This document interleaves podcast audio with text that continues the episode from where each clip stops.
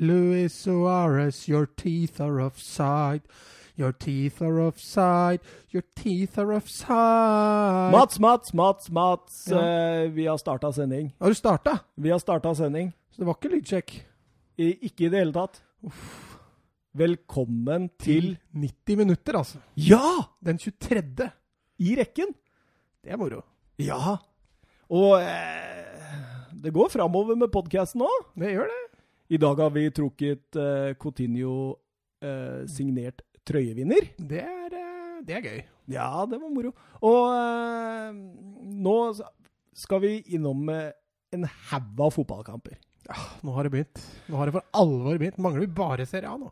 Det er litt deilig òg, for da slipper vi å prate så mye transfers og prøve å synse om hvem som kommer øverst på tabellen og ditt og datt. Altså, det er gøy, det òg. Ja. Men, eh, men eh, vi starta jo dette her for å analysere fotballmatcher, så det er litt gøy å komme tilbake igjen til det vi vil. Analysere og dele litt kunnskap og lære litt av lyttere og alt mulig rart. Ja. Så lærte vi jo ekstremt mye av eh, vår forrige gjest. Så det var moro. Han, han var dyktig. Ja. Eh, Premier League, skal vi begynne med det? Vi kjører Premier League først, og så Ja. blir det vel uh, Litt La Liga? litt La Liga og litt Bundesliga. Men mest pr... Nei, jeg bare tuller. Vi, vi, vi her, er her deler vi ligaene opp i omtrent jevnbyrdig, men eh, hovedkampene i dag er eh, Premier League Ja, altså City Tottenham, ja. ja, og La Liga. Valencia Sociedad. Ja. Og hvorfor tok vi Valencia Sociedad? Nei, det bikka vel litt mot at vi har en lyslugga nordmann som flyr rundt og triller kule. Ja, jeg gleda meg veldig til den matchen. Jeg, Jeg virkelig, liksom. jeg, jeg visste på forhånd at det kom til å bli en litt kjedelig kamp. Eh, Valencia er verdensmester i å lage kjedelige fotballkamper og uavgjort-matcher, så uh, det blei ble litt sånn som jeg frykta, men uh, utrolig gøy å se Ødegaard uh, få lov til å briljere i Ja, er det verdens beste liga? Ja, det er i hvert fall én av to. Én av av tre. En av tre. Ja, én av fire. Jeg veit ikke. Eh, den diskusjonen, den eh, Tar vi ikke altså, Nei, og, og den diskusjonen Jeg er så lei den, egentlig.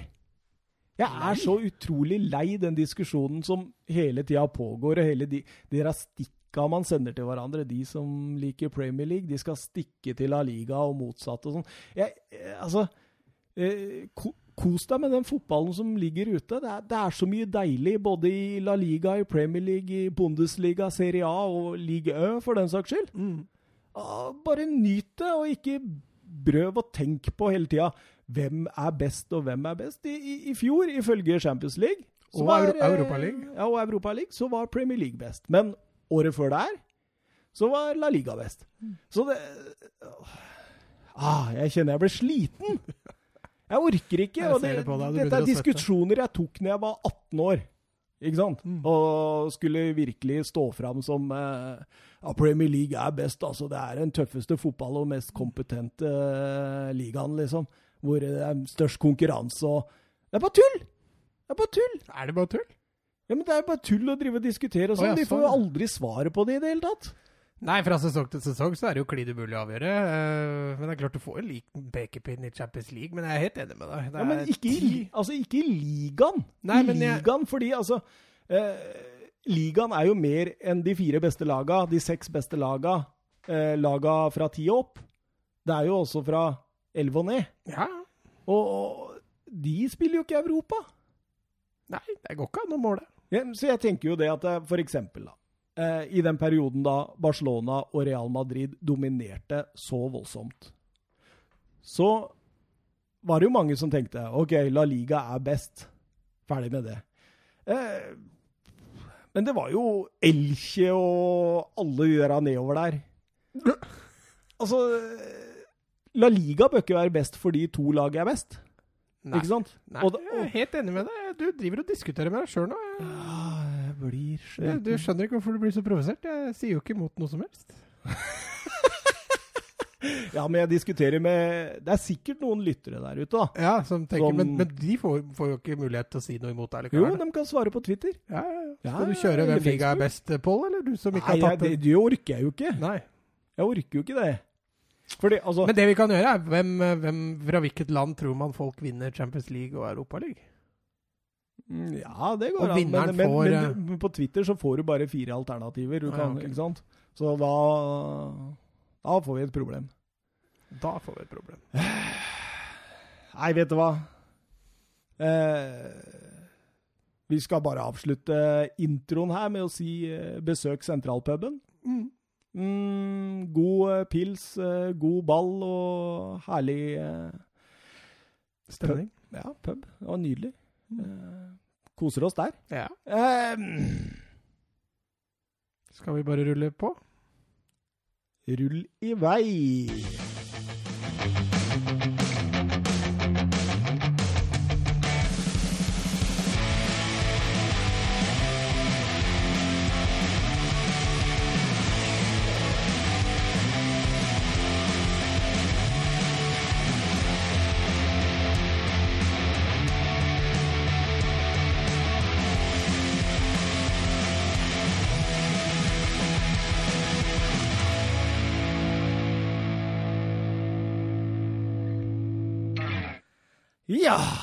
Jeg blei sliten av det der, der jeg, Mats. Ja, jeg hørte, eller hørte, jeg så det òg faktisk, at det der eh, Det var noe som Det var et ømt punkt eh, vi toucha bortom der. Ja, Altså. men jeg, jeg tror jeg har diskutert i så mange timer der. Jeg orker ikke mer. Jeg orker ikke. Eh, vi hopper eh, rett over til eh, Premier League, vi, for det var eh, andre serierunde av Premier League. Ja, to av tre nyopprykka lag har fått eh, seier. Ja, det er, det er artig. Det er, det er gøy. Villa står fortsatt med, med null, men uh... De vi trodde skulle være best av de nyopprykka, men det, det er lang vei igjen. det er vei. fortsatt mye igjen. Eh, skal vi rett og slett hoppe over til første kamp? eh, Arsenal mot Burnley. Ja. Eh, ja, på forhånd der så tenkte jeg at her kan eh, Burnley skape litt problemer for Arsenal. Tenkte du det? Ja, jeg gjorde det. Jeg så den startelveren, så tenkte jeg at dette skal gå, gå greit. Men du, du, du fikk jo på en måte rett. Det ble, skapt, de skapte litt trøbbel. Ja, de gjorde jo det. Eh, Men Arsenal stilte jo mye sterk, sterkere nå enn det de gjorde mot, eh, mot Newcastle. Altså, Ceballos var inne, Lacassette var inne igjen. Og Louis. Og ikke minst Louis. Så jeg, nei, jeg følte meg egentlig trygg på en Arsenal-seier, men eh, når Burnley utligna der, så, så var det var litt nerve. Men Burnley er sånn typisk lag som kan stelle det til for Arsenal. Det er litt sånn fordi det er jo litt sånn lange baller og kjemping og litt sånn tilfeldigheter innafor 16-metera og sånt, og det, Arsenal trives sjelden med det. Men, denne, eh, denne Barnes, han har starta brukbart. Ja, men jeg snakka jo om det i Var det vel forrige gang vi snakka om Burnley også? At det er, han er litt sånn undervurdert spiss, for han er ekstremt hardtarbeidende. Jobber på absolutt alt og er litt sånn dukke opp. Men det var derfor jeg nevnte det nå, Ja. for du allerede hadde nevnt det. Så da, ja. da, fikk, da fikk du et lite stikk til meg, meg der. Et til, altså. Ja. Enda et stikk. Uh, men uh, Så du prestasjonen til Lacassette? Ja, blodsterk. Det, det er sterkt, altså, med alle de Det er vel Det er- to til tre spillere i rygg på han? Ja, det er jo én ting at han får til en avslutning og scoring der. En annen ting er jo det at uh, veldig mange spillere hadde gitt opp uh, å jage den ballen. Uh, når du har to-tre mann som står og holder, tar livtak på deg, så er det mange som gir opp. Eh, han fortsatte og Snur seg til dommeren liksom og Ja. bare Du, dette Dette går ikke. Ja. Eh, men han fullførte, og det, det fikk en belønning for. For jeg tror ikke han uansett hadde fått straffe der om han hadde stoppa opp. Så Han ligger nå han skyter ja, ballen i mål. altså. han er jo helt ute av balanse når, når han scorer der, men eh, vanvittig kred for at han ikke gir opp. Og uh, Ashley Barnes han skårte jo 1-1 uh, på en sånn litt sånn tilfeldighet som den bruker å gjøre. Ja, det var vel et skudd der som fikk forandra retningen, og så lander han i beina på Barnes. Men han skal ha også kred for at han tar, det, tar seg tid, mm. og ikke fyrer av gårde et skudd ved første mulighet han har der. For han er ikke i balanse når han mottar ballen. Han må strekke fram beina og kontrollere, og han får vel Gendosi i ryggen der før han før han triller den i hjørnet, så det er også en god prestasjon av Barnes, selv om, også, selv om det også var litt marginer eh, for at han skulle få den ballen. Ja. Men Arsenal har jo Aubameyang. Ja. Ja. Jeg syns jo det også var en minst like god prestasjon som, som Lacassette. Altså litt annen type scoring, men eh, Trekker seg inn, skyter tilbake igjen i hjørnet hvor han, eh, hvor han kommer fra. Litt typisk Aubameyang. Ja, altså, I hvert fall han starter ut venstre, Ja. så han kommer i de Men det var jo dette vi posisjonene. også vi snakka om eh, tidligere om Arsenal. Dytta Aubameyang ut venstre som en Mm. innoverkant, og så får de PP på høyre. og Jeg syns, jeg syns Arsenal eh, ser frisk ut. Altså. Ja, for PP har også vært ganske bra når han har kommet inn som innbytter. Ja, ja. Spørsmålet når han får en hel kamp fra start, da. Det, ja altså, så, så du også Ceballos. Altså, han ser jo ut som en million. Ja. Han, eh, han eh, To assist, glimrende, tar tak. eh, Savna Øsil blir Altså, det blir ikke noe, rett og slett. Jeg så uh, Oppda Joe, vet du. Han har sagt at Ceballos har 97 touch, 70 positive pasninger og skapt fire målsjanser for Arsenal i den kampen. Det, det er impact. Det Ja. er impact, altså. Han, eh, som sagt, han ser ut som en million, og Arsenal er nok litt bitre for at det ikke er noe kjøpsopsjon. eh. Det bør vel kanskje sitte en uh, Zinedine Zidane nå og se den kampen og tenke Vi kunne vel kanskje ha fått bruk for den her, i hvert fall nå når Modric er ute i en par-tre kamper. Ja, ikke bare det. altså Modric og eh, dem, Du ser at de har passert 30, så Ja. kan nok hende Ceballos hadde gjort en bra figur i Real Madrid. da. han. Skal vi hoppe over eh, til Southampton mot eh, Liverpool? Ja. Uh, St. Mary's.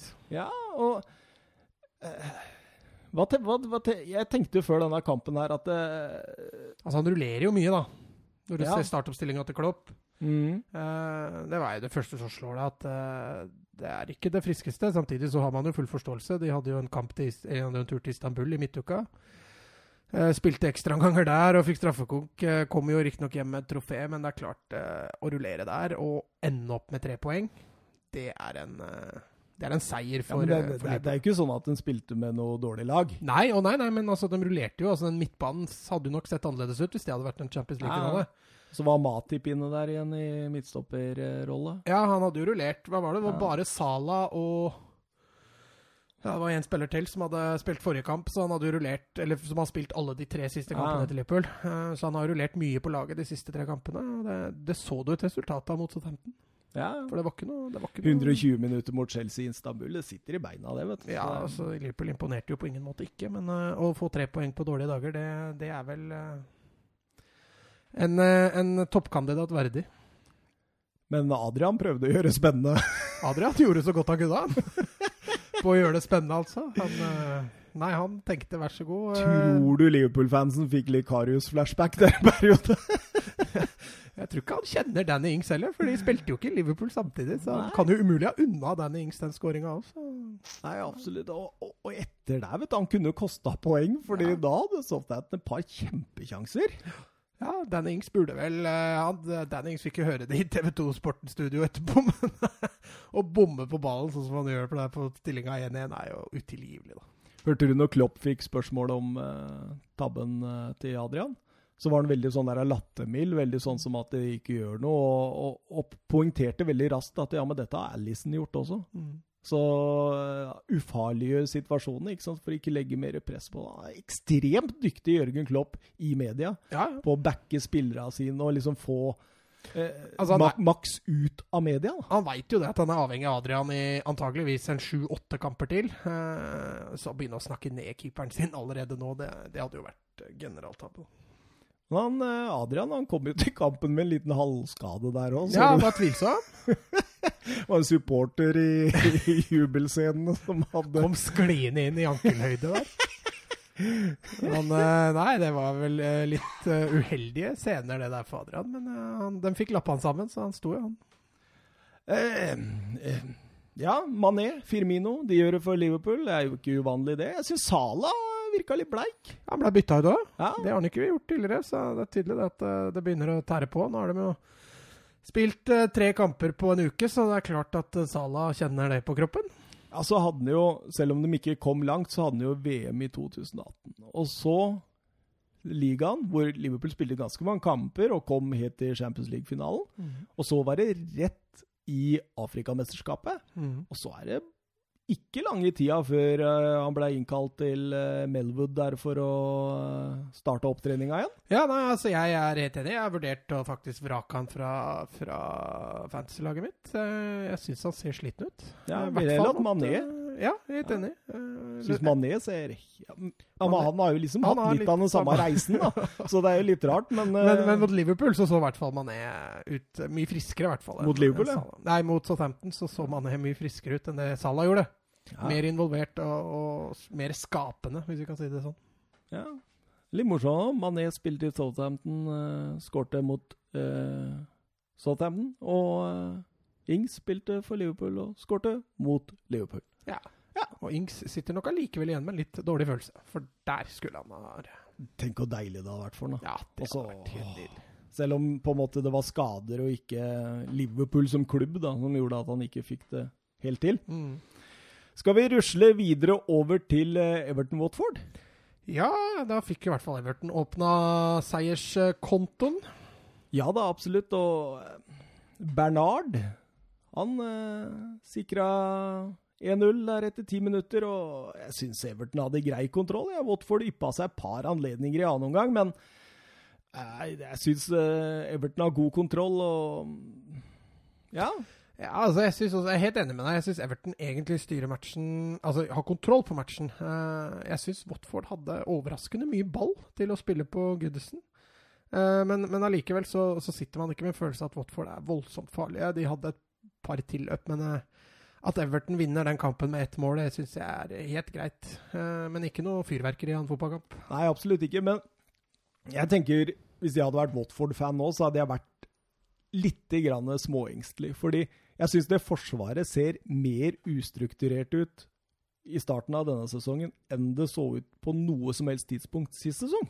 Ja, og så har de fått en fryktelig start også, sånn resultatmessig. Ikke bare som det strukturelle. Ja, det selvfølgelig ser jo ikke bra ut heller, men du har møtt uh, Brighton hjemme, som utgangspunktet tre, skal være tre sikre poeng for et Watford-lag. Uh, Everton borte er så klart det er tøft uansett, så jeg er ikke sikkert man har kalkulert det her med tre poeng, men når, men når spillet heller ikke sitter, så Nei, det er mulig vi har tippa dem litt høyt, ass, sånn som de har gjort det nå.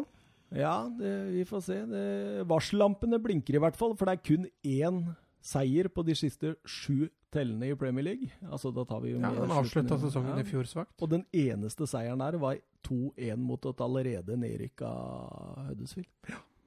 Så det er alarmerende for Javi eh, Gracia. Mm. Eh, Everton eh, derimot, de er i ferd med å gjøre gudissen til et fort, for der har de fem strake nå. Det er første gang siden april 2017, da de gjorde det med Ronald Coman i managerstolen. Ja, jeg tror Everton blir uh, ganske solid etter hvert. Får tilbake Får i gang Moise Kane også der framme. Jeg tror, Kan jo hende han bruker en sesong på å komme i gang, men, uh, men det er mye spennende på Goodison. Og lag som Watford hjemme skal Everton slå. Rikarlisson kunne jo hatt hat trick omtrent på, i, med hodet bare han i ja, den kampen. Ja, sleit jo også med å skåre i forrige match mot, uh, mot Palace. Nei, Vi får se. Han hadde jo en fantastisk start på sesongen i fjor, og så har det butta litt mer i år. Skal vi rusle litt videre og ta en uh, tur til Stamford Bridge, uh, selve brua der uh, Chelsea møtte Leicester, og en Brennan Rodgers som har ja, kom litt skeivt ut med en uavgjort der i første match. Og ja, og de ti første minuttene det er noe av det mest spinnville jeg har sett på, på, fra Chelsea. Ja, fortell, fortell. Ja, altså Bare måten de gikk ut på. Høye mm. presset. Eh, at kombinasjonen offensiv satt så bra som det gjorde. Mason Mount eh, kom på skåringslista. Og etter ti minutter, og det sto 1-0, så tenkte jeg hvis dette fortsetter, så blir det 10-0. Eh, ja. det, var, det, var, så stor overkjøring. Men Leicester de justerte litt. Grann. De, la seg, de, de senka midtbanespillere, spesielt indreløpere, litt dypere i det, i det, defensive. Og det gjorde at Chelsea mista mye av mellomrommet de angrep, med, med Mount og, og Pulisic. Og, Plutselig jevna kampen seg helt ut. Ja. Uh, så at det endte 1-1, var vel egentlig helt greit, for Leicester hadde to gigantsjanser på slutten som de fort kunne ha skåret på. Ja, absolutt. Uh, jeg har skrytt litt av Ndidi, eh, midtbanespilleren her. Forferdelig det han gjør i forkant av Chelsea-målet. Ja, det var Der fikk du på pukkelen, holdt jeg på å si, men han retta det opp igjen. Han retta det opp igjen, stanga inn en corner der, 1-1, og Åh, det var var antydning til eh, pipekonsert. Eh.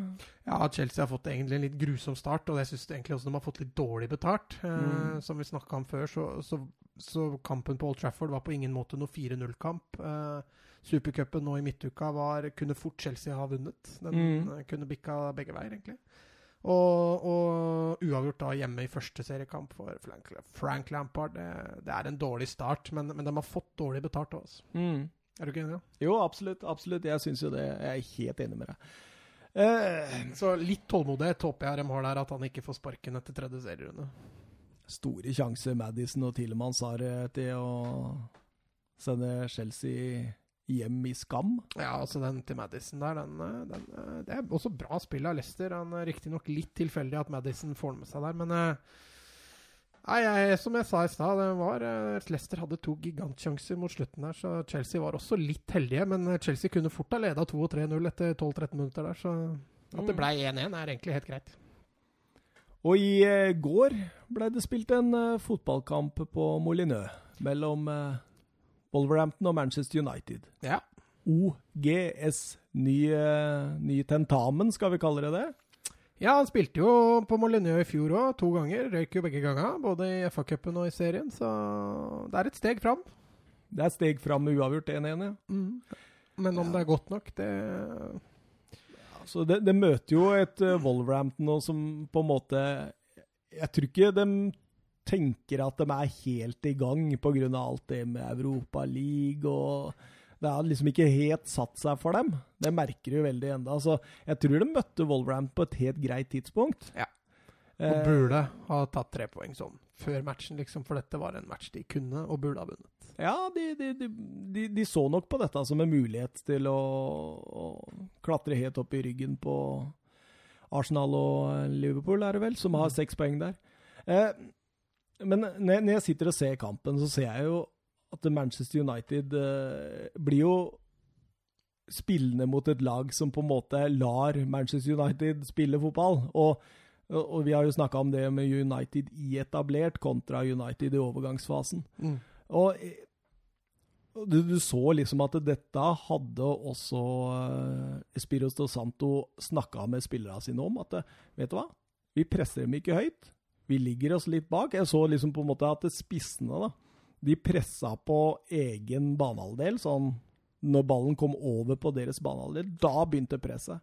Men eh, hvis eh, Maguire og Lindeløf sto og slo ball sånn på 40-45 meter fra De Gea, så eh, st- sto de bare og på en måte nærmest kikka på. Mm.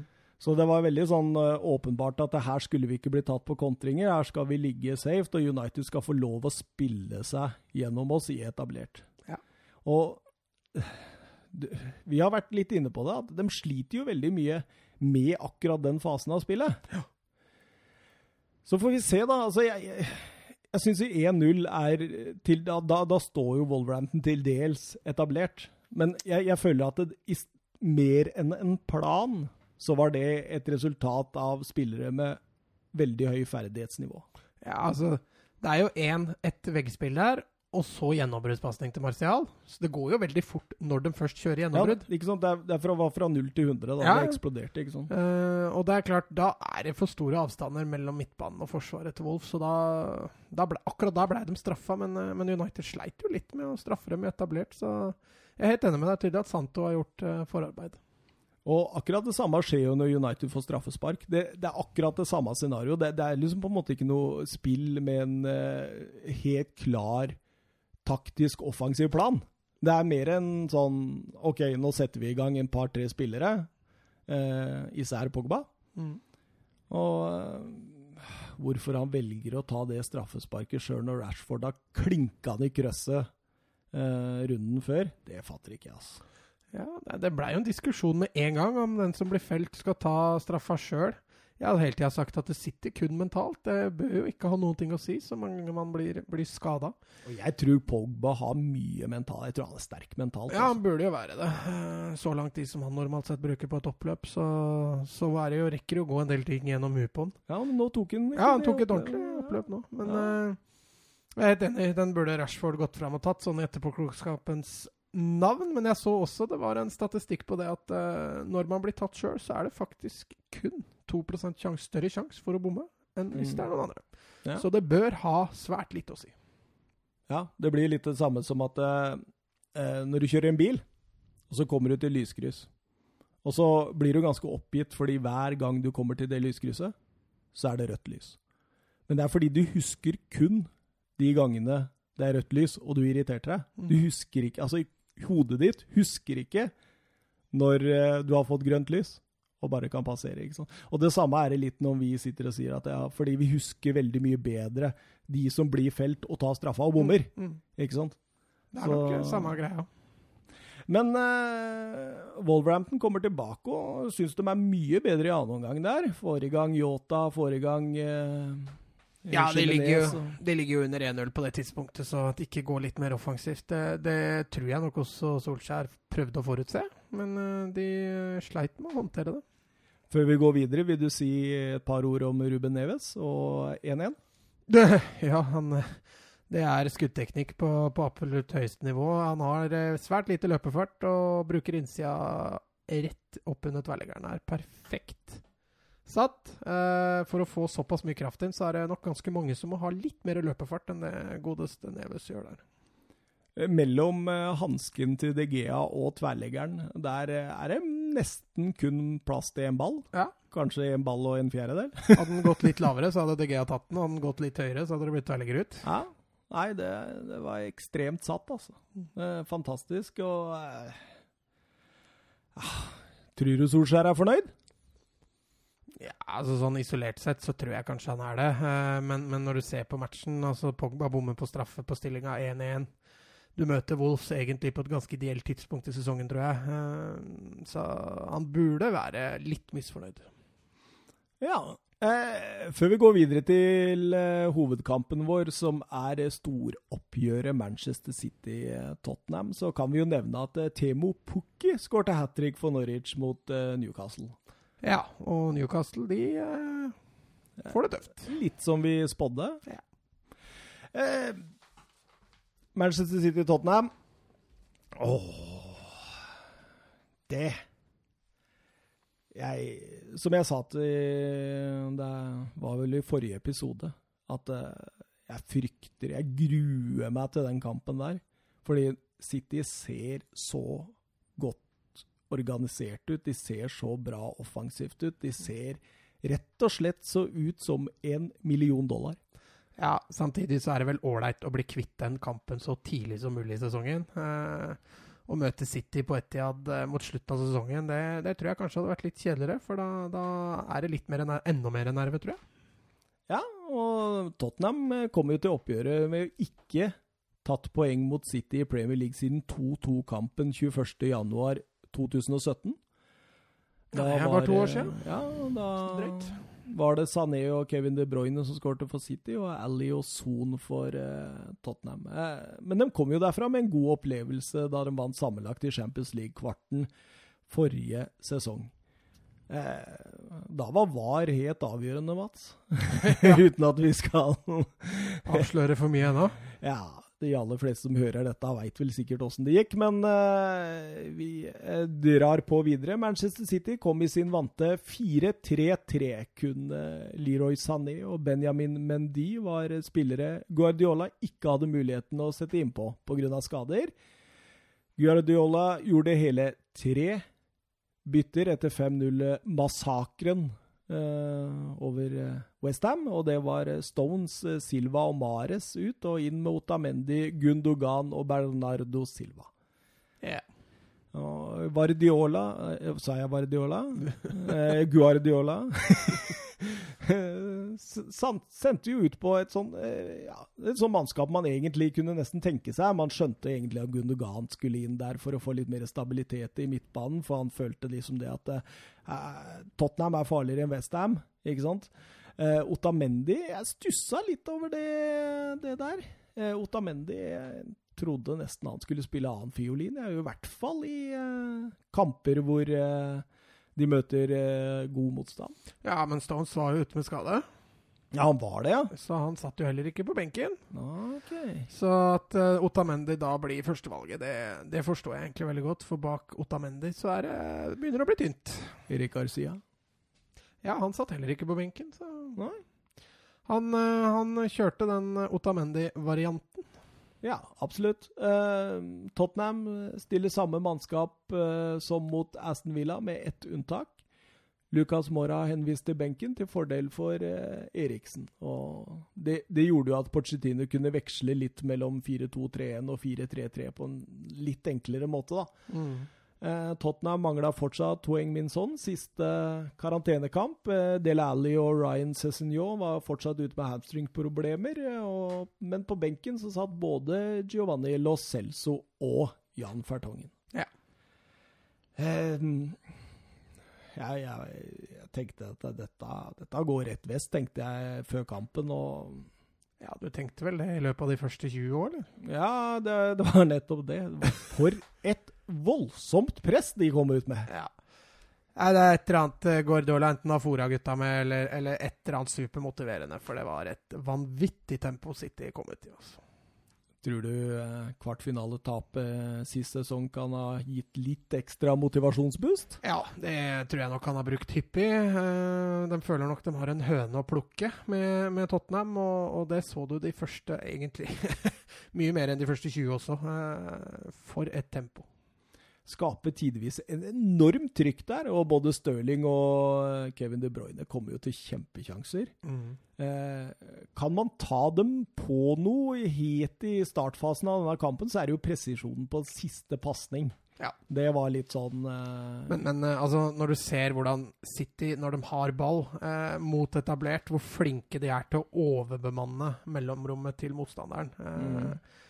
Uh, Zinchenko Walker kommer gang på gang for å skape bredde. Uh, men når, når Stirling og Silva trekker inn, du har en De Bruyne som ofte kommer opp, uh, en Aguero som også kan, kan falle ned Nei, Det er mye å ta hensyn til for Tottenham, og de, de sleit stort altså, med, å, med, å, både spille seg ut, men også, men også det å stå imot. Og spesielt de første kvarter i 20 minuttene mot Raheem Stirling. Ja. Da, det var fælt å se på. Og altså, uh, Kyle Walkers Peter spiller overhodet ikke noe dårlig kamp, og jeg syns også han er brukbar én mot én flere ganger mot Stirling, men han blir satt opp i så voldsomme posisjoner mm. at det, det er nesten umulig å forsvare seg mot. da.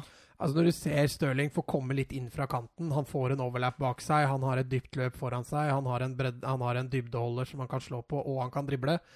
Å være førsteforsvarer da, det er et mareritt, altså, når du møter så kjappe bein som, som Stirling. Og nei, de sleit stort Tottenham med å finne ut av åssen de skal gjøre det. For å, når først Stirling har fått ballen og blitt satt opp i de situasjonene, så er det ikke så veldig mange måter å forsvare seg på, altså. Nei, for det var jo det som var litt av poenget her, at uh, Pochettino måtte jo ta et valg. Skal man gjøre det enklere for Stirling, eller skal man gjøre det enklere for Kevin De Bruyne? Ikke sant? Det var det valget han faktisk måtte ta, fordi enten så måtte han sende Sissoko ned, i, nærmest som en sånn ekstra back som kunne hjelpe litt uh, Kyle Walker Peters, men da strakk jo City Tottenham-laget i mye større grad, så da fikk indreløpere, spesielt Kevin De Bruyne, mye større muligheter. Hvis de skulle ligge litt mer kompakt, så gjorde du hele Stirling god.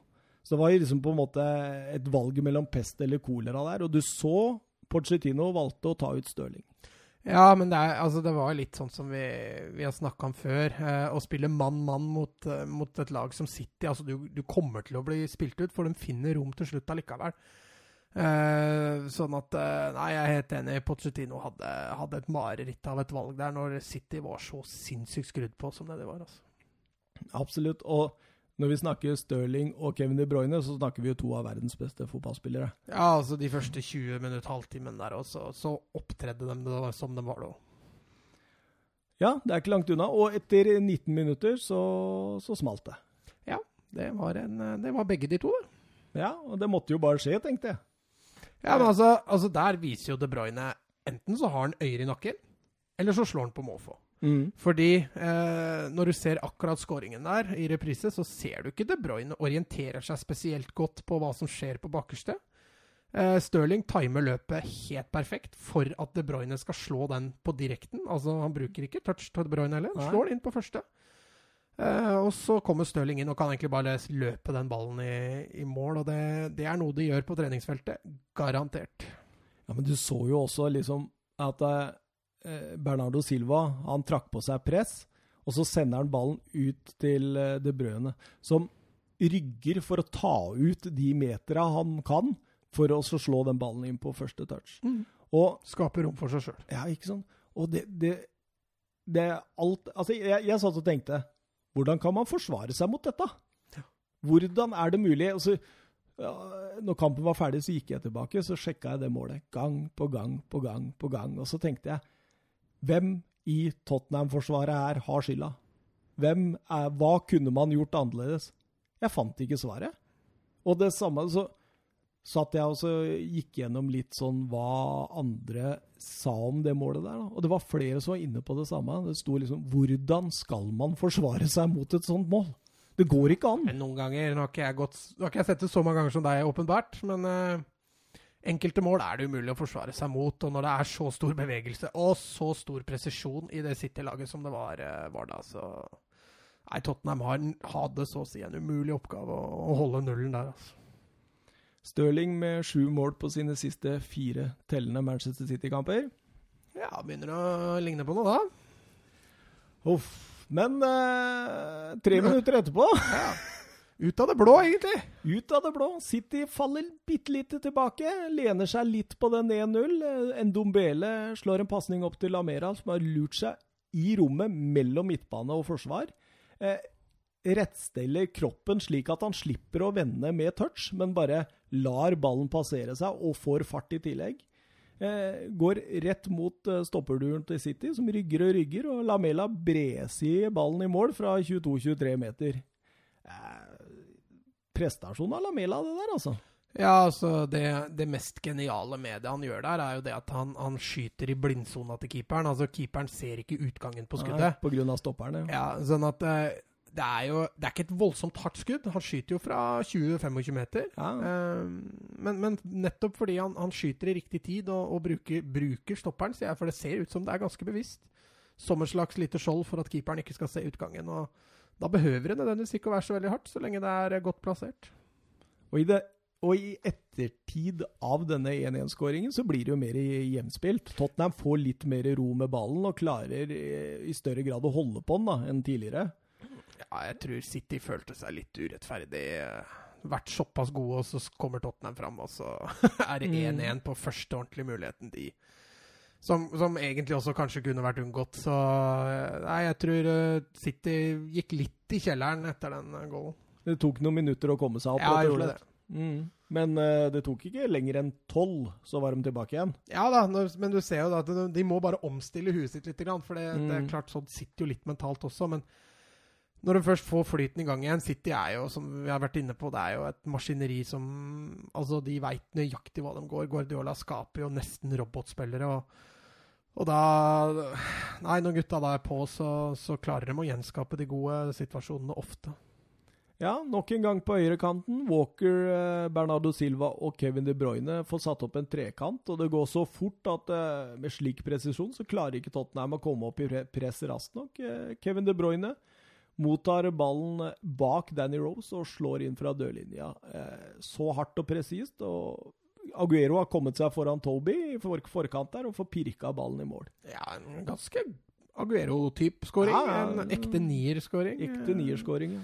Men, eh, men, men det er som du sier, det er prestasjonen forkant der som er det mest imponerende. Eh, De Bruyne igjen setter opp en ny, ny scoring, så nei, han hadde en enorm match. Altså. Og eh, etter 42 minutter der så får City en kjempekjanse igjen. Litt av den samme oppskriften som eh, bak 2-1-skåringa til Bernardo Silva. Eh, Trekker på seg Danny Rose, og Kevin De Bruyne kommer bak. Slår inn knallhardt, men Gundogan eh, Der må han sette ballen på mål, altså. Ja, det var eh, Jeg vil ikke kalle det dyktighet, det er vel mer konsentrasjon og litt, eh, litt feilberegning, kanskje.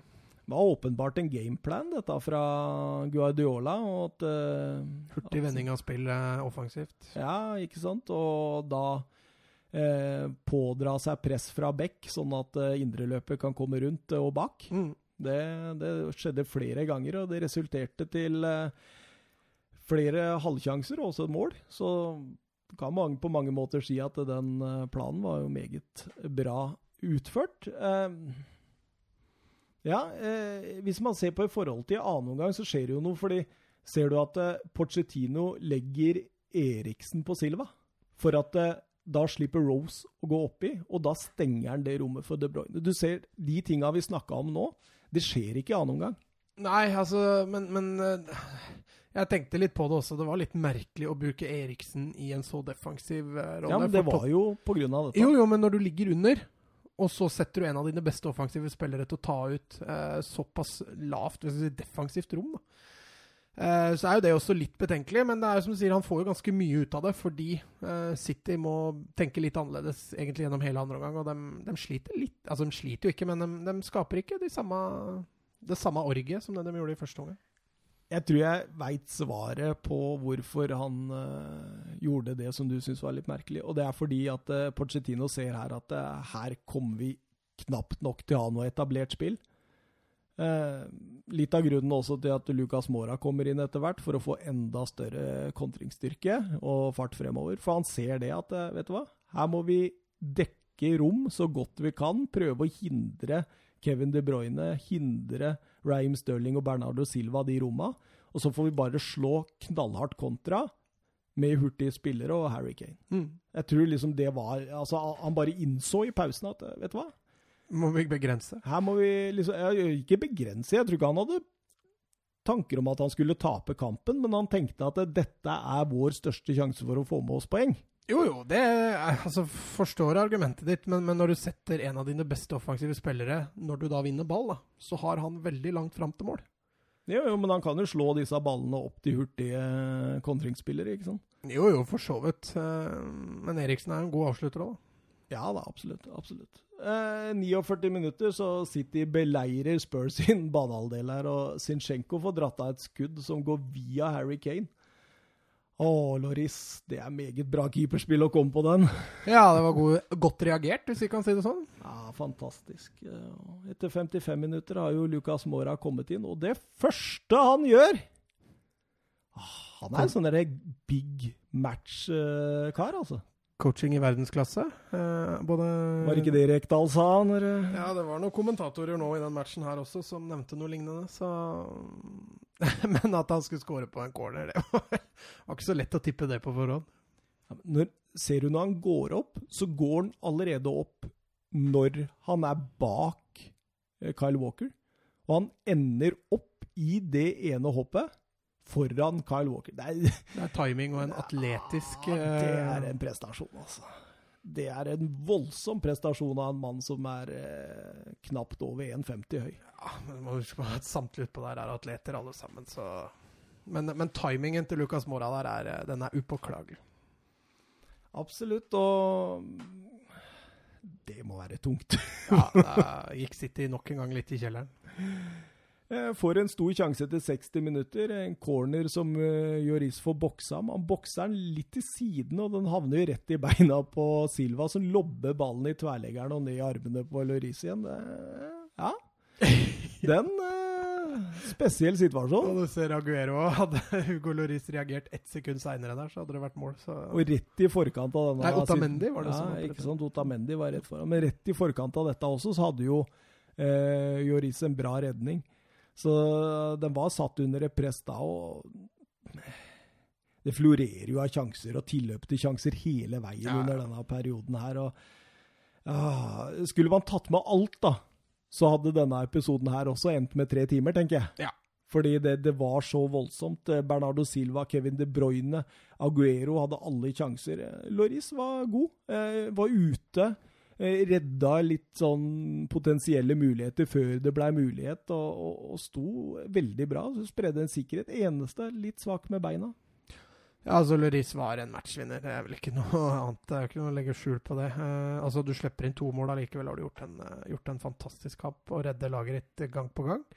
Eh, bortsett fra det, så er det jo egentlig bare å hylle Manchester City. De, eh, altså For en fotball de spiller med de med de bevegelsene og timingen de har i pasningsspillet sitt, eh, gjennombruddspasninger, de løpa som tar inn bak Forsvaret når det, Forsvaret allerede ligger på 16-meteren altså, eh, altså det er så stor presisjon og så god timing over det at det er eh, Nei, det er som du sier, det er, vi kunne tatt veldig mye her, men Bytte med Jesus og Jesus, som han heter, og Aguero der. Det ble en liten krangel mellom Aguero og Guardiola. Ja, men det virker litt sånn noen ganger som om Guardiola, når han, har, når han er litt misfornøyd Mm. Idet spilleren går ut, så vil han ta det opp med spilleren der og da. At Ja. det og det er jeg ikke fornøyd med. Mm. Aguero var jo åpenbart misfornøyd bare ved å bli bytta ut. Ja. Eh, og Så kommer du til kritikk, liksom? Ja, så kommer du rett ut, og så får Mm. du liksom vite hva du har gjort for dårlig. Da. Og hvis det er det som er tilfellet, så, så er ikke det så veldig god coaching i utgangspunktet av Mm. eh, Guardiola. Eh, for du skaper jo en situasjon på benken der umiddelbart. Altså. Arteta måtte jo inn og igjen. Og, Ja, ja, nå må du gi deg. Gikk han bort og Jeg vet ikke om det var det han sa til Guardiola, men, men konsentrer deg om kampen, liksom. Ja, ja. Eh, så får vi se. Jeg får håpe for Aguero sin del at ikke det får noe etterspill, for jeg veit jo at Guardiola har jo vært litt langsint innimellom, han òg, så Han flira av det etter kampen, da. Guardiola. Sa det at eh, det var en misforståelse, at Aguero trodde han var misfornøyd med noe Aguero gjorde før 2-2-skåringen. Ja, okay. Og at eh, det blei en misforståelse, at de var glad i hverandre. Og han var veldig sånn, da. Han var veldig rolig på det intervjuet. Eh, men Jesus kom ut og presenterer seg ganske umiddelbart, syns jeg. Synes han, var ganske var frisk. bedre, ja, var bedre enn Aguero. Jeg syns han var litt mer skapende enn Aguero. Eh, Aguero blir liksom i perioder litt anonym når spillet hele tiden foregår rundt Aguero, mens, mens Jesus har litt større bevegelser og litt vanskeligere å få fatt på for Tottenham-forsvaret. Ja, de Tottenham-forsvaret har mer enn nok med å forsvare seg der. Og Toby Aldevreld og Davidson Sanchez der, de, De jobber for penga, altså. Ja, de, de var på jobb. De måtte på jobb. de måtte på jobb, og det- blei pressa så høyt. Men eh, så, eh, så etter hvert så føler jeg det at eh, de største sjansene uteblir, liksom sånn når du begynner å nærme deg 90 minutter der. Ja, jeg er helt enig. Og det var litt det jeg stussa så litt på det byttet han gjør deg med, med Aguero og Jesus. fordi når han setter inn på, setter inn på Jesus der og tar ut eh, Aguero, så er jo det strengt tatt den eneste spissen han har på benken. Eh, han, Mm. han hadde jo selvfølgelig en Mm. Mares som kom inn etter hvert, men det, men det er jo ikke noe spisstype. Så han velger altså bort en spiss for en annen spiss, og får dermed ikke muligheten til å spille med to spisser på slutten når de, når de jager mål. Og da ser, det kan du jo begynne å lure litt når du ser at de skaper egentlig ikke noe særlig store sjanser de siste 20 minuttene City, bortsett fra helt på overtid. da. For noen sinnssyke scener. For noen sinnssyke scener det var. Eh, nok en gang annullert et mål på overtid som er helt matchavgjørende mellom City og Tottenham på Etiad. Ja. Eh, Kevin De Bruyne slår inn en corner. Laporte vinner en duell i feltet mot Oliver Skip eh, og forlenges på bakerste. Jesus får jo snappet den opp og drar seg innover og setter den kontant i hjørnet. Eh, City tror de har vunnet kampen der. Og Aguero og Pep står og klemmer hverandre, og alt er fryd og gammen, liksom. Og så kommer VAR inn, og så sier de æ, æ, æ, æ, æ. Laporte, han henser. Ja. oi, oi, oi. Jeg er også litt spent, jeg, fordi akkurat den, akkurat den der er jeg litt sånn delt på. Men Premier League har jo vært ute og sagt alt som er hens, som går det angripende laget til gode, også som resulterer i scoring, det skal blåses på. Ferdig snakka. Da er det ikke så lett å komme med noen motargumenter. Men det der er eh, Jeg kjenner jeg er litt delt på det, altså. For jeg, ser ikke at det der eh, Det er jo på ingen måte noe hensikt over det. Eh, hva som skjer bak ryggen til Laporte, har jo ikke han peiling på. Eh, så det er ikke noe Nei, jeg er litt delt på den. Jeg er ikke delt på det. Jeg, du, du må ha en rød tråd, tenker jeg. Og det, og, og sette en så klar rød tråd som akkurat det der, der syns jeg er helt greit. Synes Ja. jeg er helt greit. Da blir det ikke hadde- diskusjoner, da. Hadde det, Det skjedd, andre, hadde det skjedd andre veien Nei, men altså, jeg, jeg har jo vist meg som å være en av verdens mest objektive når det kommer til dommeravgjørelser. Det har du ikke, altså. Jo, det, er, det har jeg for all del. Jeg eh, tenker ikke hva, Nå sist, da, hva var det jeg snakka om da?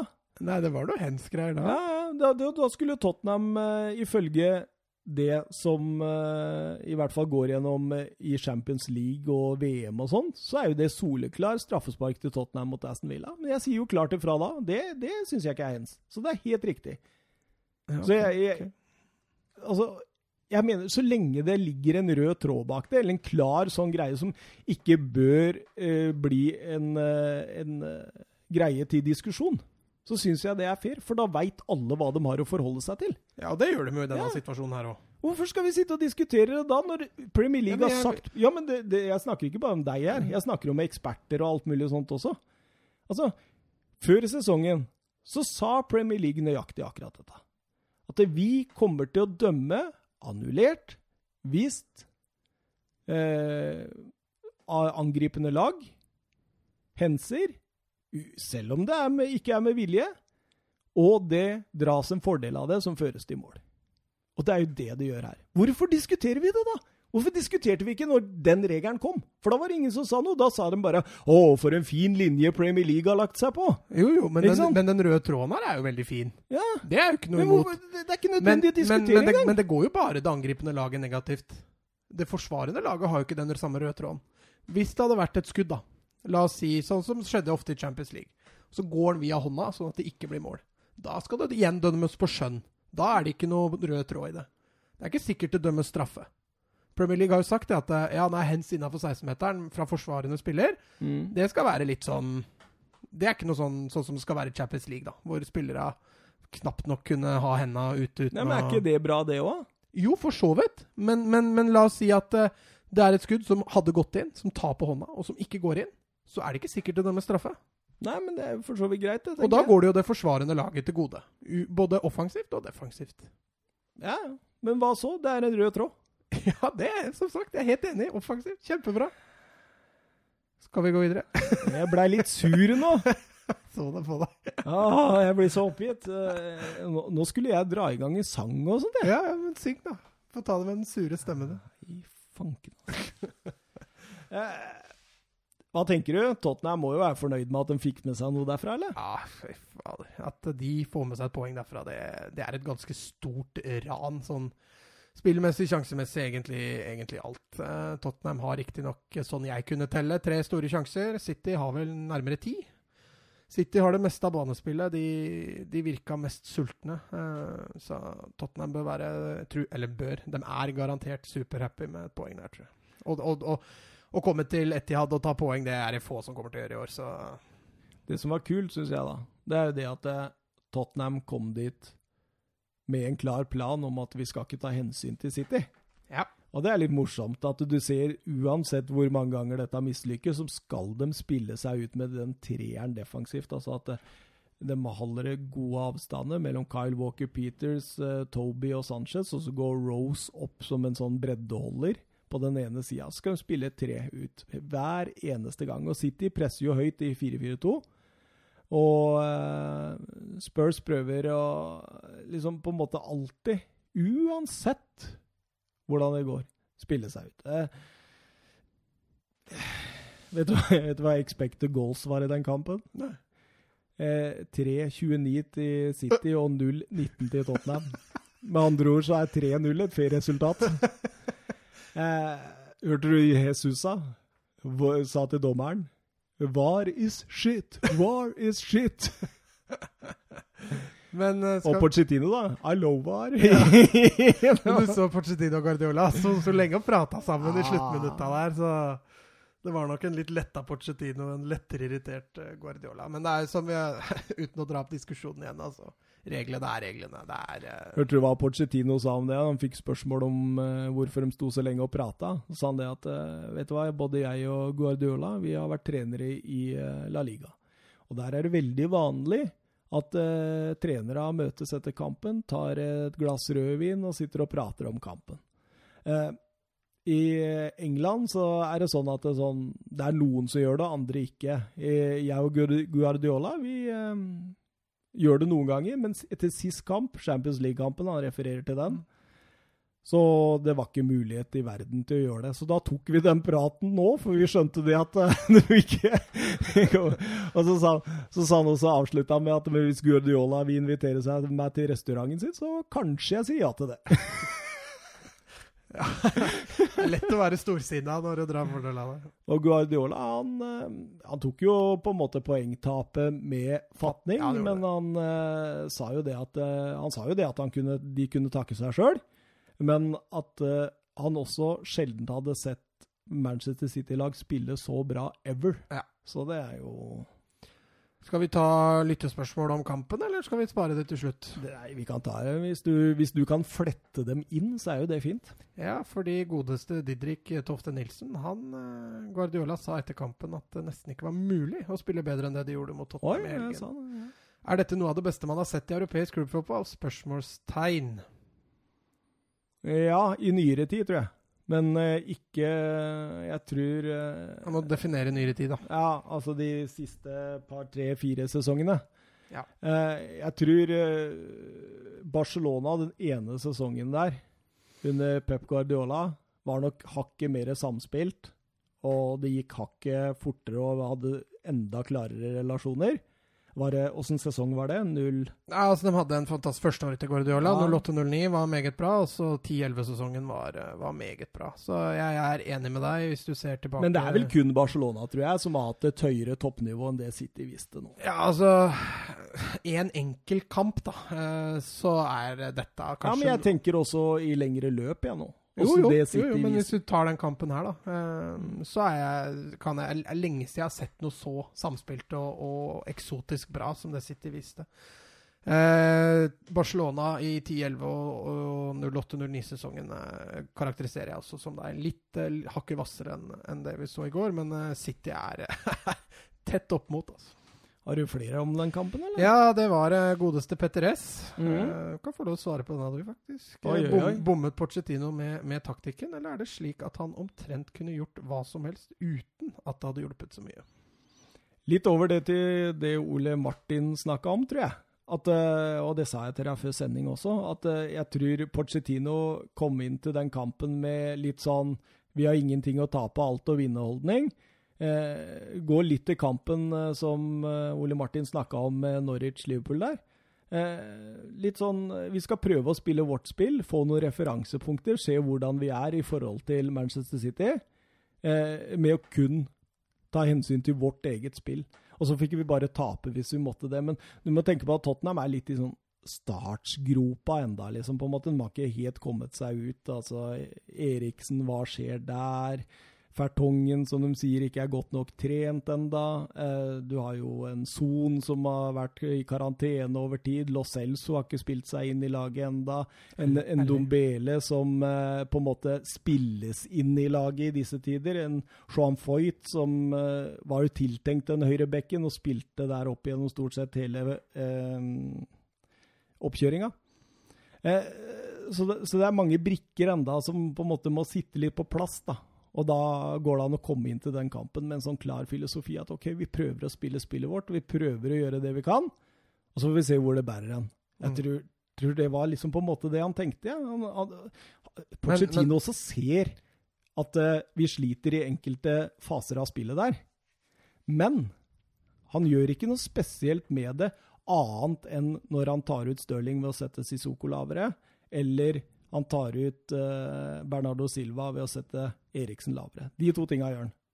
Men, men, eh, men tror du det hadde hjulpet? Tror du Tottenham hadde fremstått hvassere hvis alle de du nevner nå, hadde vært innspilt på, på laget? Ja, ja. Ja, soleklart. Det viste vi jo mot uh, Altså, det, det er ikke så lenge siden vi spilte en uh, Vi. Jeg sier vi hele tida, det irriterer meg faktisk, men jeg må få lov å være litt sånn også. Uh, det er ikke så lenge siden Tottenham spilte en jevn kamp mot Manchester City i Champions League-kvartfinalen på Etiad.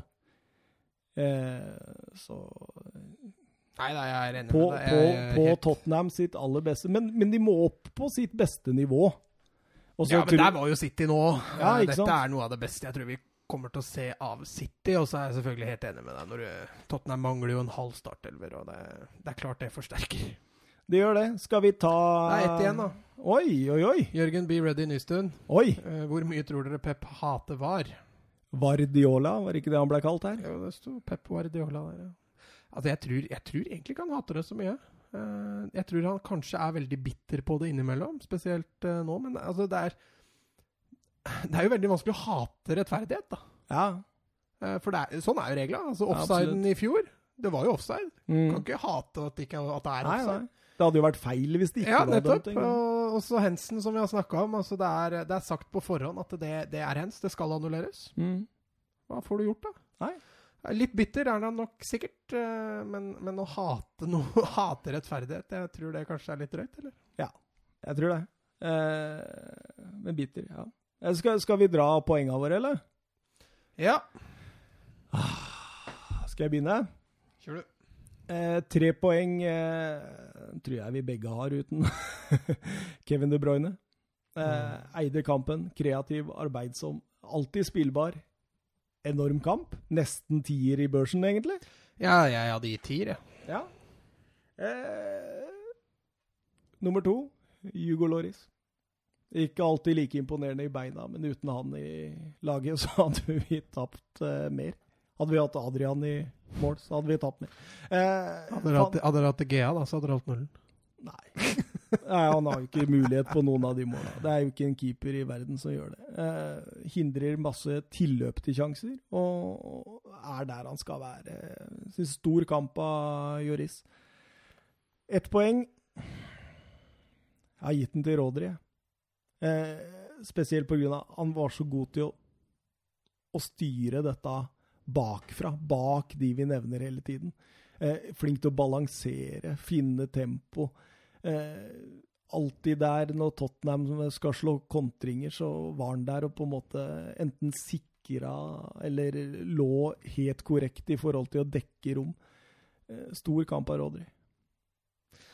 Ja, jeg har litt, litt annerledes enn deg. Eh, jeg, var, jeg, har, jeg har faktisk ingen Tottenham-spillere. Eh, jeg lot meg imponere så fælt av City, men jeg, men jeg vurderte både Hugo Lloris og Erik Lamela.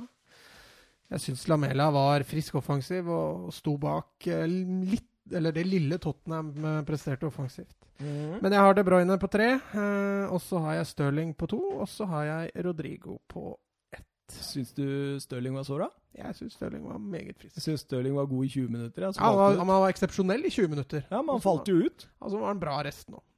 Nei. Altså, Tottenham gjorde den litt mer usynlig, men han ja, eh, han var jo han var, han var jo banens soleklart beste spiller i 20 minutter. Ja, og så det er- faller han jo helt ut! Han er jo helt borte store deler av Han er ikke helt borte, syns jeg. Jeg synes han, eh, altså Tottenham har en spiller de må ta ekstremt hensyn til Ja, gjennom det, det hele matchen. Og det er jo grunnen til at han faller ut, fordi de tar hensyn til den. Jo, jo, men jo, altså han, han, han leverer ikke det samme gjennom det, jeg er helt enig med deg i. Men, men det han også presterer etter de første 20, syns jeg også er ganske solid. Altså han har nærmest mannsmarkering for- i 70 minutter, og allikevel så presterer han bra, syns jeg. altså. Uh, og så la Rodrigo, jeg er helt enig med deg, han, uh, han er veldig trygg, og jeg tror City har gjort et genialt kjøp der. altså. Det er lov å være uenig i Matt. Ja. Eh, skal vi over til La Liga, eller? Ja. Eh, første kampen jeg har på blokka, det er Spanjol mot Sevilla. Så her begynte du ikke i starten, altså. Nei da, nei da. Her begynner vi rett på. Kjøre på. Hadde du planlagt eh, en annen kamp nå, eller? Ja, nei, jeg tenkte jo med en gang at du skulle ha, ha begynne på fredag. Nei, nei, nei. Nei, nei, nei, vi, kjører. Ja. Espanol eh, Sevilla. Eh, kjedelig kamp. Ja, jeg syns det var egentlig mange kjedelige kamper i La Liga denne eh, åpningsdagen. Spanjol ekstremt tamme. Nesten ikke, så nesten ikke en sjanse. Jeg har betydning der. Nei, Spanjol. Men dette har vi vært innom før. Eh, De ser ganske ribba ut. Eh, Det var lite entusiasme i det Spanjol drev med på, på hjemmebane, og det En ting også som er utrolig trist å se når du ser Spanjol, er, eh, er så fin, stor stadion, og så er knapt nok halvfullt.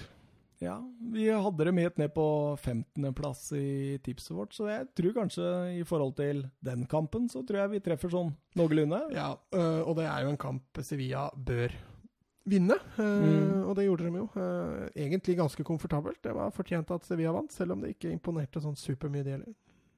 Absolutt. Eh, han eh, som ikke var god nok til å være motivator for eh, Marcelo, Ja, han, eh, Han han var- banens beste. han var ikke langt unna tre stjerner på blokka mi heller. Det var så- fantastisk, altså. Ett mål, én assist og stålkontroll der. Lopetegi, han, eh, han har sikta inn venstrebekken sin der. Ja, altså så, altså, så toneangivende offensivt, samtidig som han, han bidrar alltid defensivt. eh. Nei, jeg ble litt målløs i løpet av den matchen der og tenker hva Altså, nå har de leid ut Ceballos, gjorde en fantastisk kamp for Arsenal, og så kommer Regilon og bare gjør en fantastisk kamp for Sevilla. Mm. Det er- Og de er 21 år, og nei, der har Real Madrid satt seg sjøl ordentlig godt i Ja, for Marcelo spilte jo ikke noen voldsom kamp, han. Og eh, verken Kroos eller ja, Kroos hadde et fantastisk mål, da. Men eh, Modric eh, var jo rett ut, og han, han var fornøyd med Ballon d'Or, og så Ja. var det rett ut. Det var Ferdig. toppen av karrieren, det. Ja. Eh, Betis eh, Valladolid. Ja, det var jo en av skrellene, det. Den satt jeg og så samtidig som Atletico-kampen. Eh, hadde den på iPad og Atletico på TV-en. Det sendte jeg deg bilde av, tror jeg. Ja. Eh, dårlig start for Ruby der. Eh, Ja. Dette er dumpekandidat, liksom. Dette er en uh, veldig dumpekandidat. Uh, nei, altså, du, han spiller jo nesten hele kampen med ti mann. Kan skylde keeperen sin ærlig. Ja, det var det, klønete, ass. det var ekstremt dårlig. Eh, men det gjør keepervalget mye enklere i neste kamp, i hvert fall. Ja, Vi snakka jo om det keepervalget Ja. i tipset vårt. Og jeg sa jo det at det blir et vanskelig valg, men jeg ville nok gått for Danny Martin. Eh, I hvert fall etter den der. ja, i hvert fall nå. Nå er det ikke Det var ikke etterpåklokskap engang heller, så det, det sa jeg jo før. Men eh, selv med ti mann så er det jo en forholdsvis jevn match, men, men da blir jo Valladolid straks mye farligere. Så du Fekir, eller? Han virka tung. Han virka veldig tung. Ja, Juksa i presspillet og Og når du da spiller med ti mann, så blir Ja. det ekstra synlig. Jeg tenkte eh, hvorfor tar hun ikke ut? Tenkte jeg. jeg gjorde akkurat det samme. Skjønner ikke det. Han, eh, han er mer skadelidende å ha på banen når du spiller med ti mann, enn eh, enn hva han hadde vært hvis, det hadde vært, hvis Betis Mm. hadde fått lov til å angripe oftere. Er dette standarden? Da er ikke dette et røverkjøp.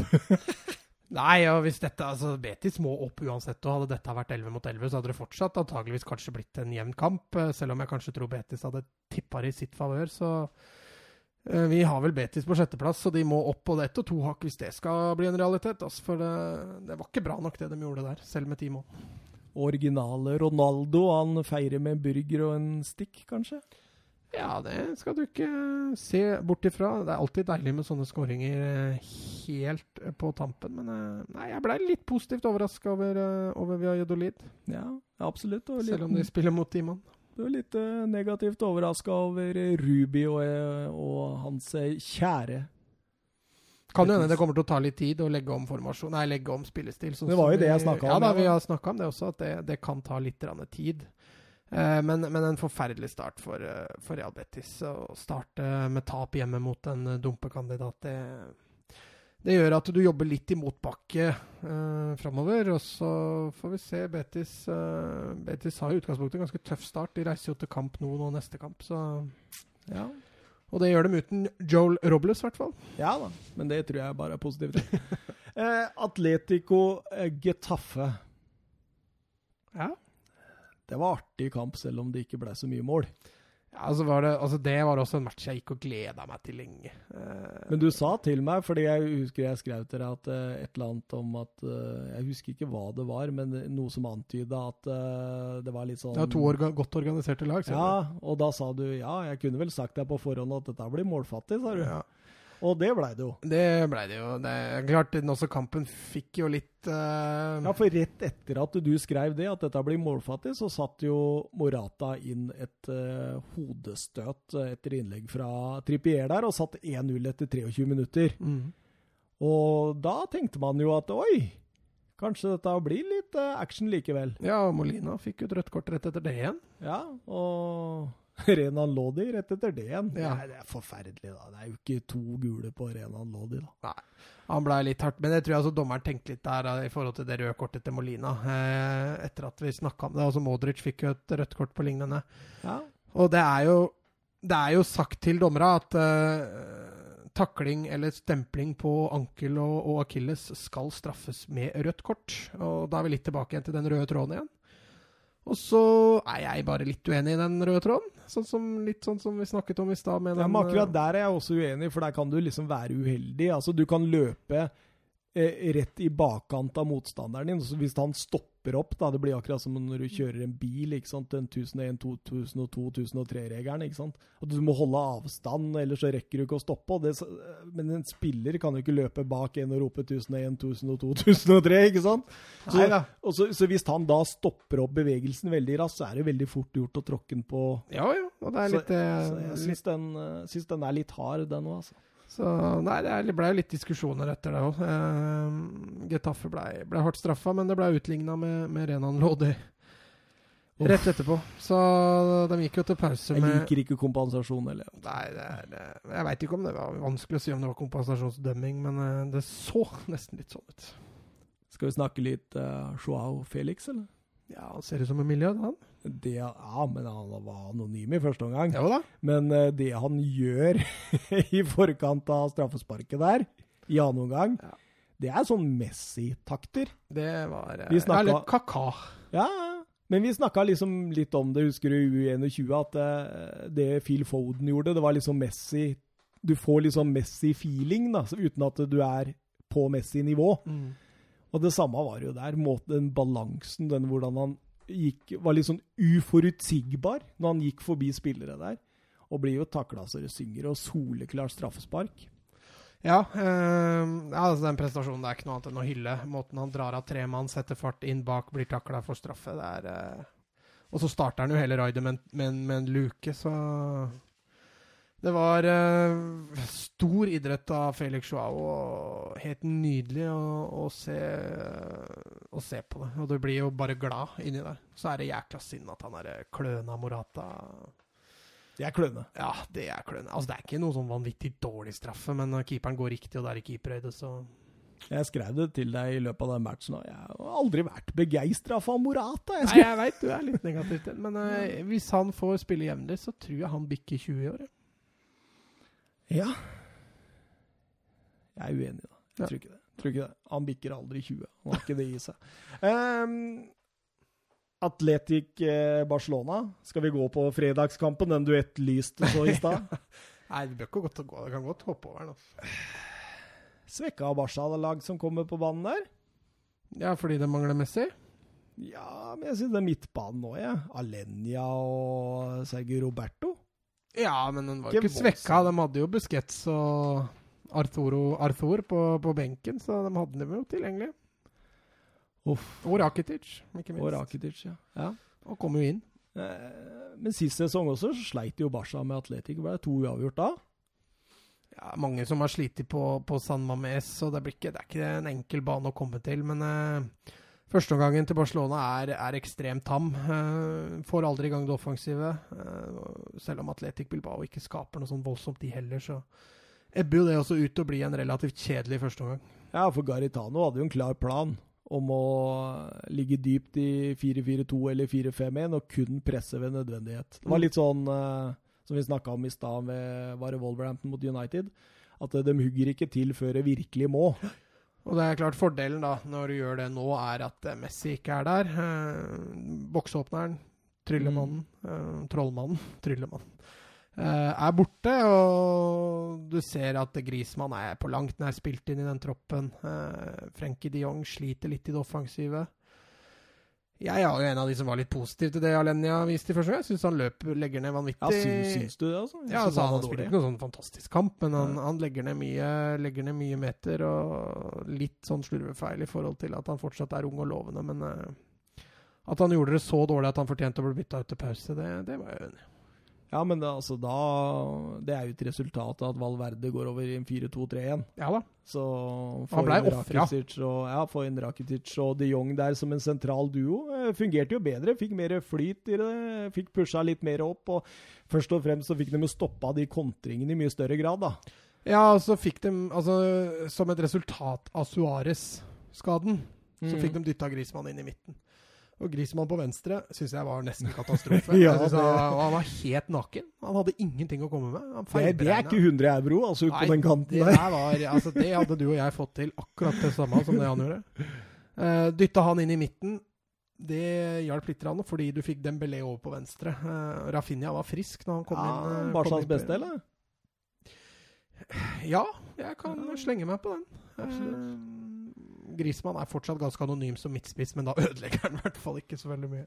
Ja, jeg tror uh, Valverde står med flere spørsmål enn svar etter denne kampen. Altså, jeg... Ja, så kan vi jo legge til at uh, Suárez er borte i fire til seks uker, og Dembélé har fått en skade som gjør at han er ute i fem uker. Messi er fortsatt usikker. Så nå begynner det å bli tynt offensivt for uh, Barcelona. Det er ikke sikkert Betis blir så enkelt allikevel. Jeg tenker eh, Valverde tenker sånn Grismann. Hmm. Ja, det var deilig at Suárez fikk den skaden, for da kan jeg i hvert fall sette den inn i midten. Og så er det sånn Hvordan komponere den midtbanen? Hmm. Det er ikke godt å si. Altså, hvor avhengig er vi egentlig av Lionel Messi?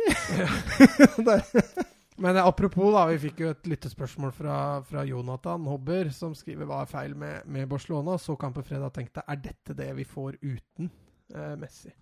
Mm. Og offensivt så er det nok det. Eh, de må i hvert fall få samkjørt i langt større grad, de som skal spille der.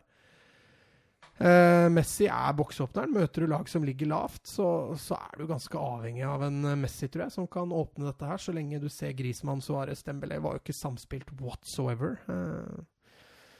Eh, defensivt så, så kommer du jo egentlig litt styrka ut av det når du ikke har en eh, Messi, for han jobber jo svært lite defensivt. Og det er klart han får noen sånne raptuser over seg innimellom hvor han bidrar defensivt, men uh, Defensivt så får du jo litt, da, når du mister Mm. Messi, men offensivt så mister du jo så ekstremt mye at uh, det er jo ikke verdt det. Det virker nesten som det er en liten sovepute når han er på banen. Da. At det, det, det blir litt rådville uten. Ja. Og så er det liksom sånn i kamper hvor man sliter, og så til og med Messi sliter, så plutselig tryller han fram et eller annet, og så redder han dagen. Det går ikke når han ikke er på banen. Skal vi snakke scoring, eller? Aritz Adoris, 38 år. Det er ikke for seint, vet du, Edvardsen. Nei, det er min alder, det. 38 år, og så gjør du det der. Det er et Hadde jeg Altså, jeg er ikke jeg, av poetiske Det er sånn sidelengs brasse, og det er sånn ekstra deilig utført. Så hardt! Så hardt! Altså Problemet da, som jeg sliter sånn mentalt med der, er jo det at jeg er en del yngre enn Adoris. Ja. Hadde jeg gjort det samme, så hadde jeg brekt hoftekammen. Du hadde brekt alle kropper. Ja, ja, Altså For det første, han går drithøyt når han hopper der. Og han lander jo egentlig litt sånn halvveis på armen. Mm. Og timinga, ikke minst. Åh. Nei, altså Et av årets Altså, mål allerede, eller? Det var utrolig bittert å slippe inn det målet. Men jeg kunne ikke noe for det. Jeg satt og smilte. Mm. For en scoring. Det Ja. går fint an å nyte at motstanderen scorer, når de gjør det på den måten. Ja. Og gode, gamle Adoris sagt nå at nei, dette er siste året jeg skal spille fotball. Og så debuterer du med den skåringa. Fikk jo spørsmål etter matchen at eh, du, dette var vel litt for artig til at du kan legge opp nå. Og så, eh, diplomatisk som han var, så svarte han at eh, dette, var, eh, dette var en fantastisk start på slutten av min karriere. Og det I'm going to play at Åråsen with uh, Frode Kippe. He is uh, 43 when I arrive. Var det spansken din, eller åssen? Nei, jeg gadd ikke å prøve meg på spansk engang, så jeg prøvde på litt sånn uh, som vi kaller litt sånn Norsk-engelsk. norsk-engelsk Petter Solberg-engelsk. ja, nei, for en scoring. Hyll, hyll. Eh, Celta Vigo Real Madrid, eller? Gareth Bale tilbake. Ja, det var eh, Banens beste! Han var eh, solid òg. Det var det verste av alt. Og de gjør jo egentlig bare at uh, styr og stell og uh, Zidane virker som enda større klovner enn det de starta med i sommer. Altså, det er Men jeg tror også Bale var sinnssykt motivert når han fikk vite at uh, veit du hva, du starter. Eh, de beskjedene og de ryktene og alt det som har vært rundt han i sommer, og så får du lov å starte premieren etter å ha etter å ha fått så mye hard medfart, så var nok ikke han noe annet enn supermotivert. altså. ingen av de nye fra start. Nei, Husker du en tidligere podkast hvor du Jeg husker ikke nøyaktig hva du sa, men det var et eller annet med at hvis Real Madrid kjøper så mye, og ingen av de nye starter, så var det et eller annet du sa. Husker du det? Nei Må gå tilbake og se. noe, fikk sikkert noe smart. Men- Men, jeg husker jo, men jeg husker jo så jeg sa at, dere at, eh, at eh, når du hylla Eden Hazard-kjøpet, så sa jeg det mest på fleip. Fordi han er jo en fantastisk fotballspiller. Men jeg sa det at eh, bare vent og se, kommer til å bli skada. Masse skada. Og så er det ikke så godt kjøpt likevel. Første kamp på sesongen, ute med skade. Ja, men Han ble ikke skada i kampen. Det var jo før kampen. Ja, han ute med skade. Ja. Ja. Nei, altså, men altså, én ting er det med Hazard. Altså, Mendy og Militao og Rodrigo og Jovic og Nei, ingen var visst i nærheten av Jeg fatter ikke den innkjøpspolitikken der, altså. Ja, men altså, alle hylla jo kjøpene i sommer. Ja, fordi- Omtrent uten meg, utenom meg og deg, da. Vi hylla vel Hazard og Ja. Til dels Jovic. ja, men vi sa jo det at uh, han kommer til å spille annen fiolin bak Benzema. Ja, det gjorde du. Og så, og mobba vi jo Real Madrid litt med det Ferland Mendy-kjøpet. da, at han skulle være, at det, Vi fikk jo nesten sjokk når vi skjønte det at det er Marcelo som skal inn der. Ja. Vi trodde jo det var Mendy som skulle inn der. Og så har vi hele tida snakka om denne indreløperen, da, som aldri, aldri kommer. Eh, det, det, det er jo bare hysterisk morsomt å bruke 3,5 milliard, og ingen av de nye er i nærheten av å få spille for det. det det- altså, Som Barcelona-fan så er det jo hysterisk morsomt. Ja, det, er- det er morsomt som Tottenham-fan nå, skal jeg si. da. tenke meg at eh, frustrasjon Altså, blusser opp noe Jovic-greier også, med at han er langt unna det Han skal lånes ut, da. 60 mil. Og Militao, det sa vi også på forhånd, at han er jo ikke god nok til å danke ut verken Varan eller Ramos. Og Rodrigo har fått startnummer som tilsier at han er på reservelaget.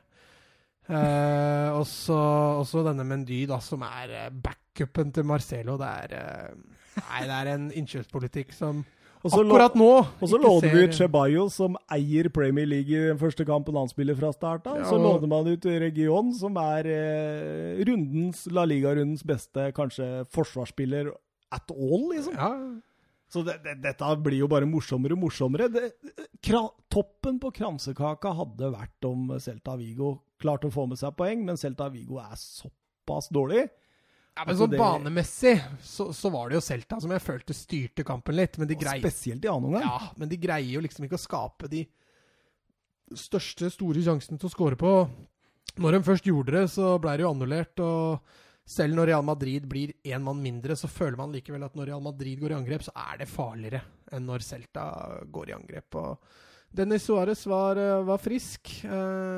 Jago Aspas var eh, periodevis eh, frisk, så hadde Celta bare møtt et litt svakere lag, så tror jeg de hadde fått uh, mer ut av den matchen enn det de gjorde. For Real Ja. Madrid var best i begge boksene. Det var det som var forskjellen på Og laget. ja, det, Du sier det riktig der. Hadde Celta møtt et svakere lag, hadde de fått med seg noe. Hadde Real Madrid møtt et sterkere lag, så hadde de ikke fått med seg noe. Nei, skal jo selvfølgelig nevne at de spilte vel halve andre omgang med en mann mindre etter denne Modric uh, Dette røde kortet til Modric, men uh, selv på, på stilling på med ti mann, så skårer jo Real Madrid to mål. Og det, men det er litt et resultat av at Real Madrid blir da spillende enda litt mer defensivt, og får jo enda Jeg skal, mer jeg skal love deg, dette er bare starten på fjellknausen. Snart stiger vi oppover der, og det Asard kommer til å bli skada lenge, og Ferla Mendy han får ikke motivert eh, Marcelo engang. Dette Altså, det lukter så fiasko etter hvert, de greiene her, altså.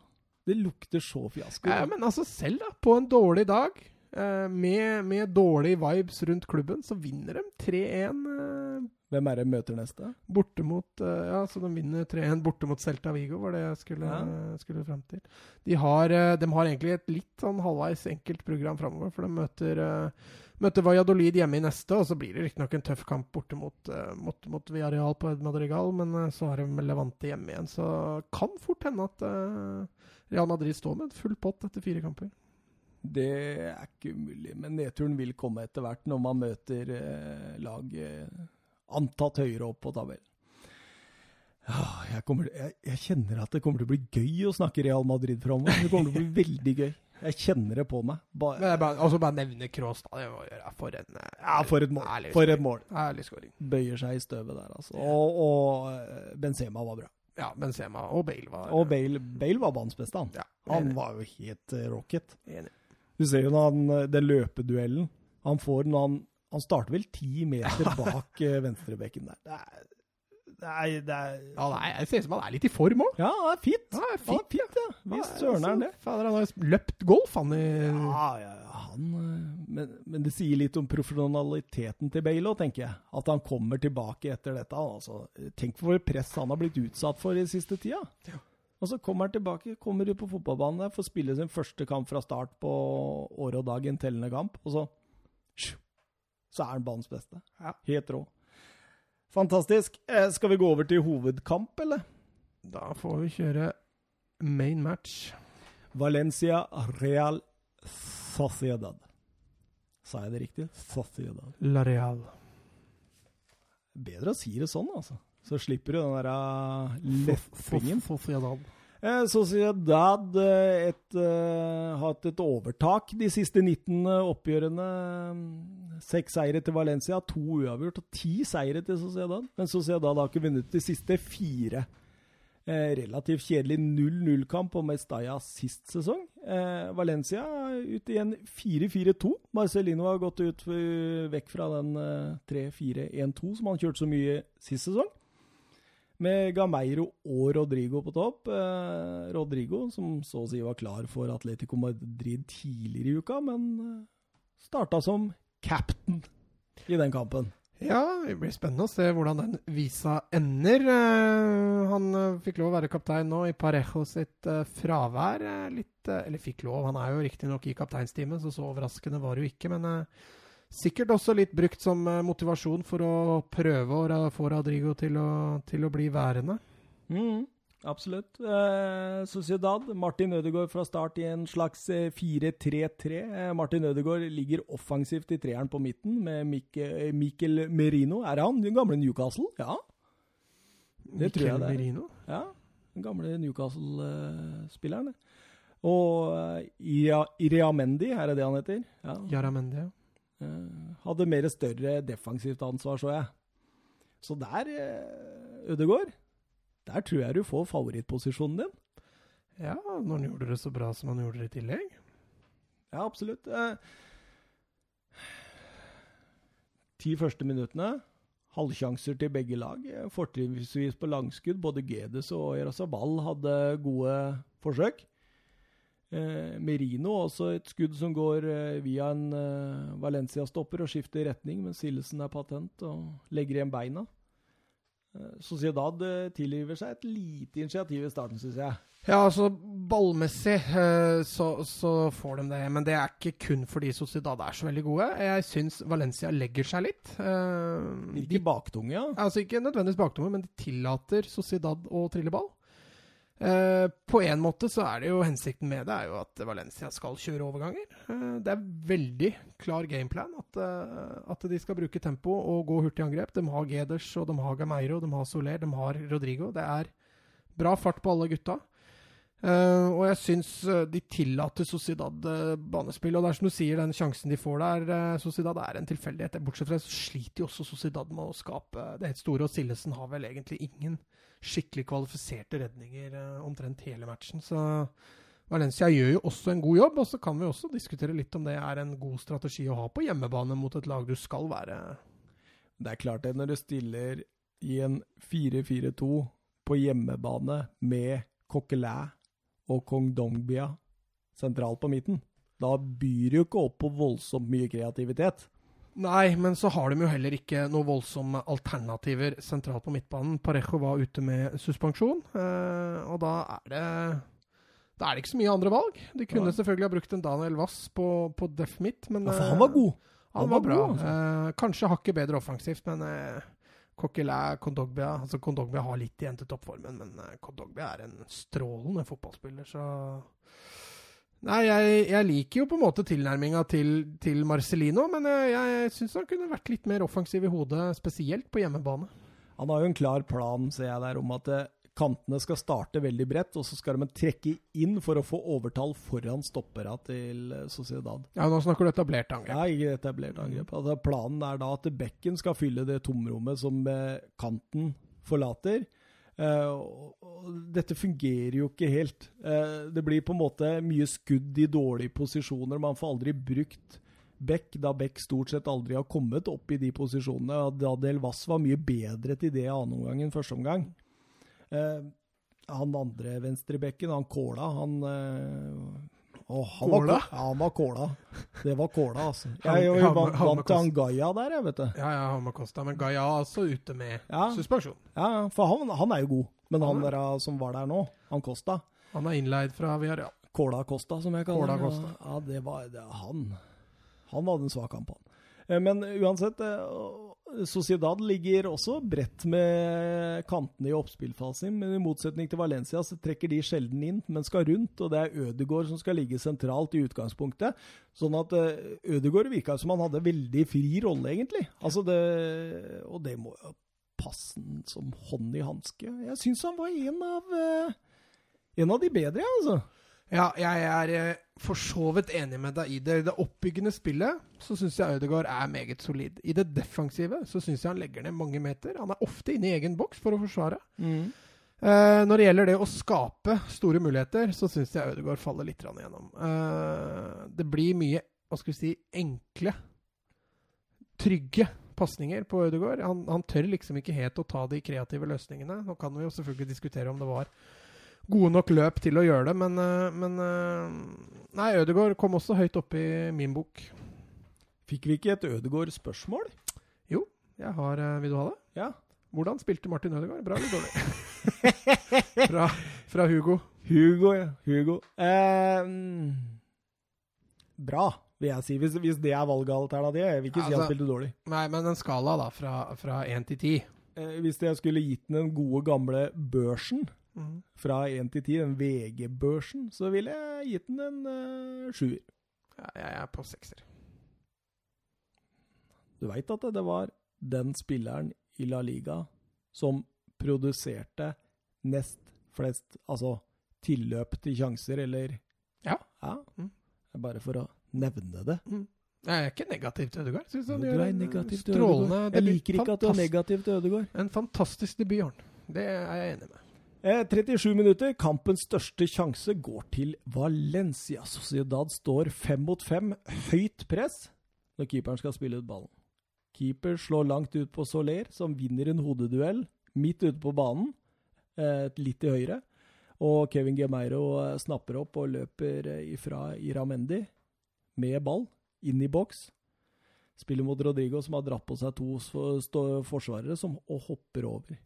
Og bak der står Gedes.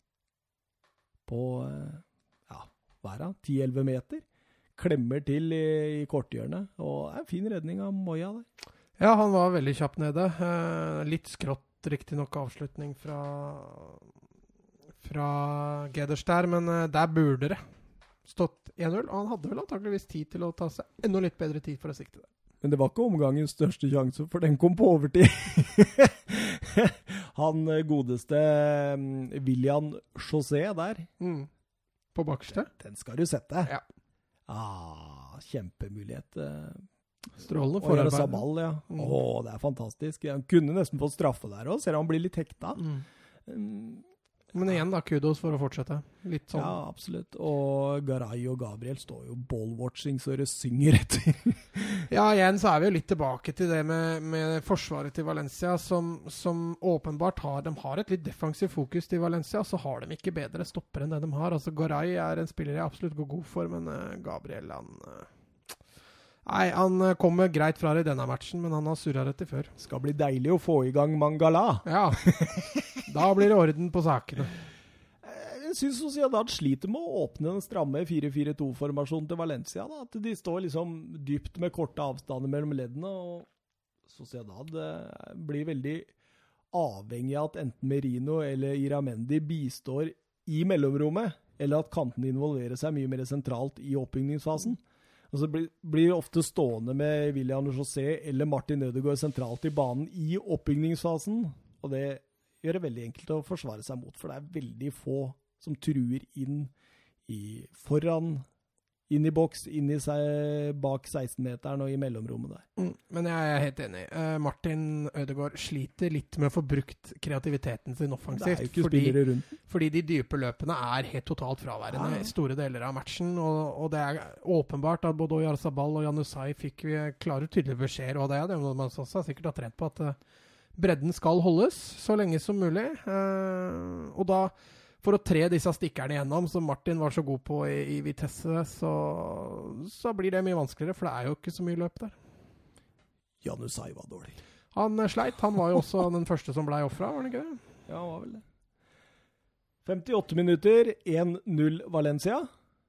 Ja, pent angrep. Eller pen kontring. Ja, absolutt.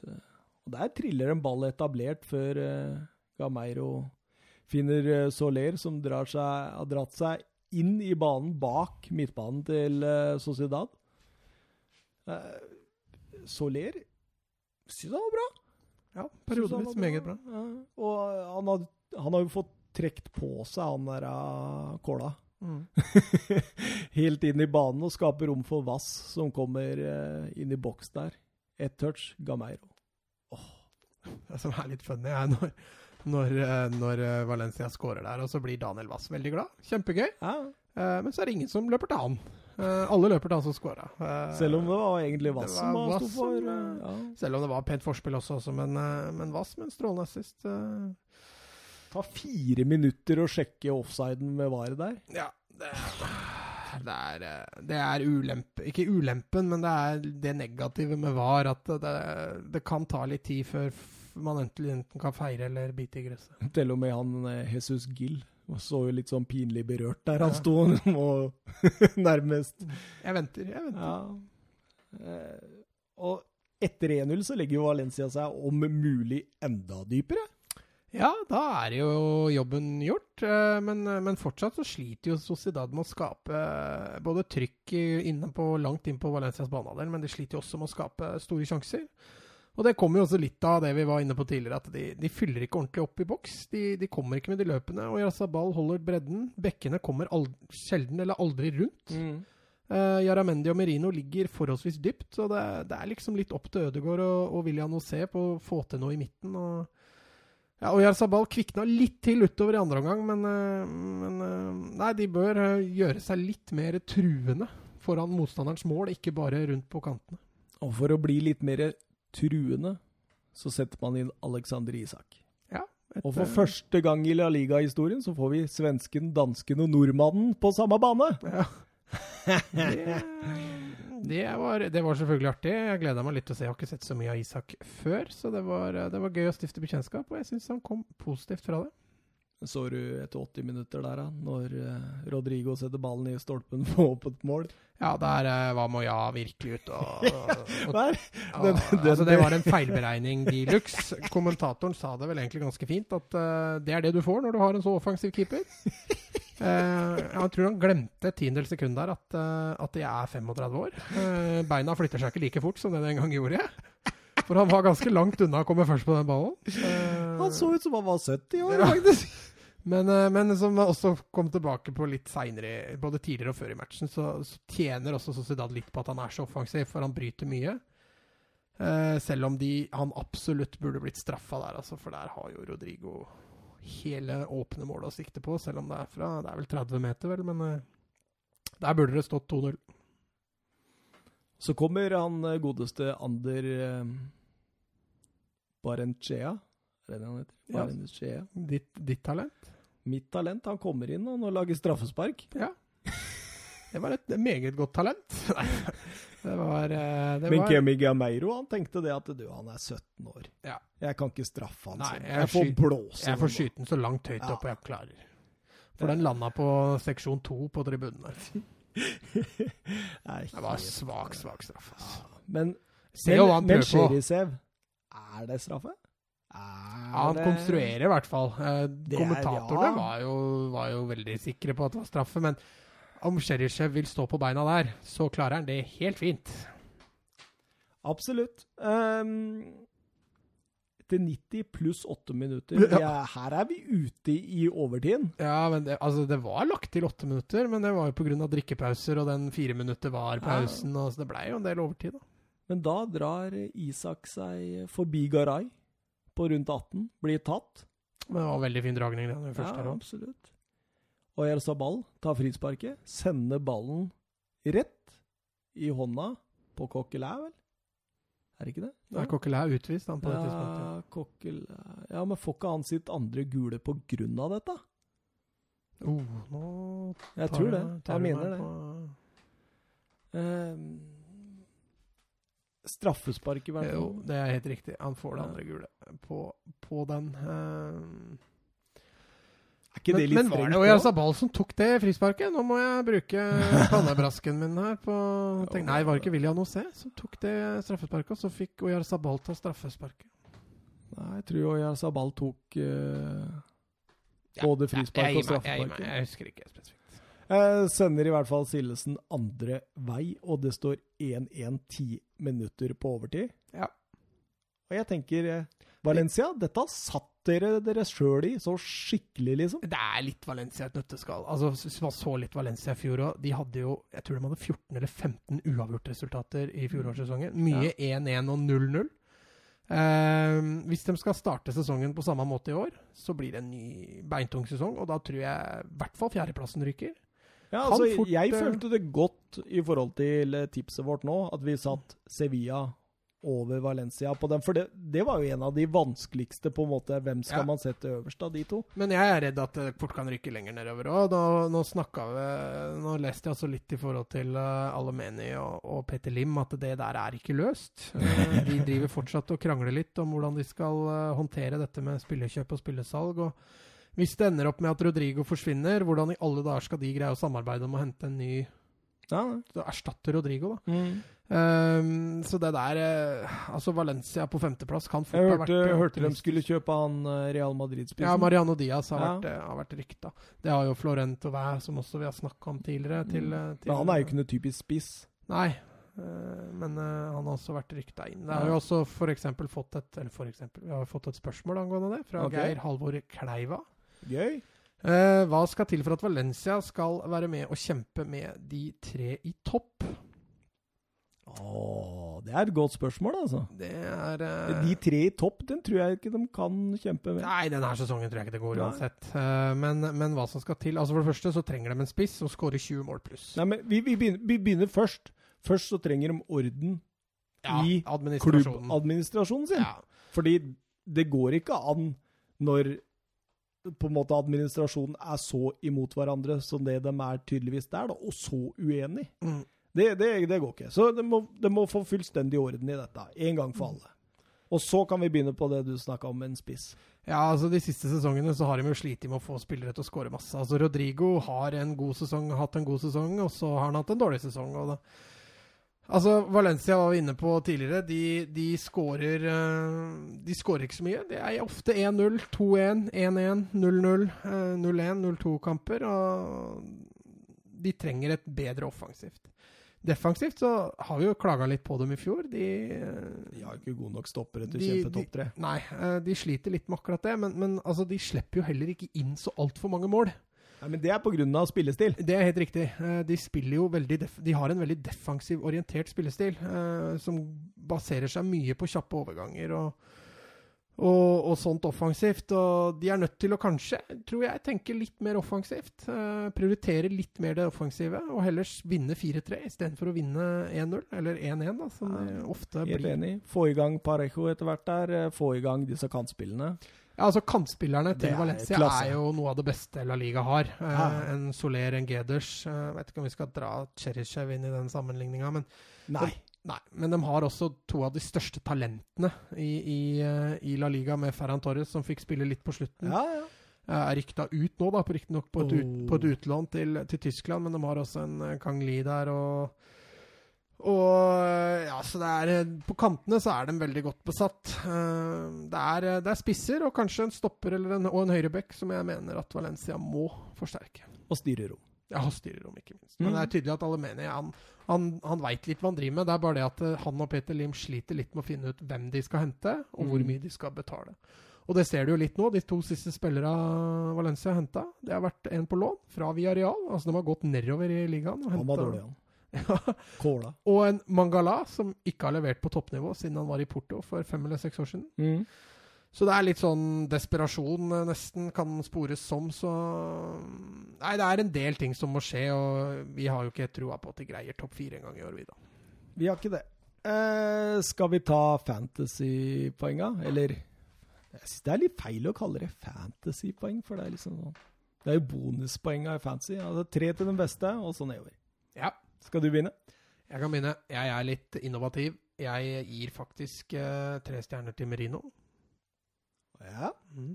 Eh, defensiv Eller han var en av den en av, Eller av de to sentralt, Jaramendi og han, så var vel han den som bidro mest offensivt eh, når eh, godeste Sociedad trengte noe. Han var også den som ofte kløna det til for Valencia når de skulle kjøre kontringer. Eh, og var ofte den som ofte kunne vinne ballen eh, Ja. når de gjorde det. Han var egentlig de jeg la merke til litt utover i andre omgang.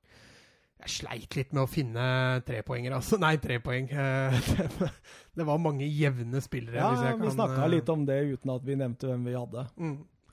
Eh, to stjerner. Den gir jeg til Gameiro. Uh, Syns han var den friskeste offensivt for, eh, for Valencia. Eh, veldig bevegelig, skapende.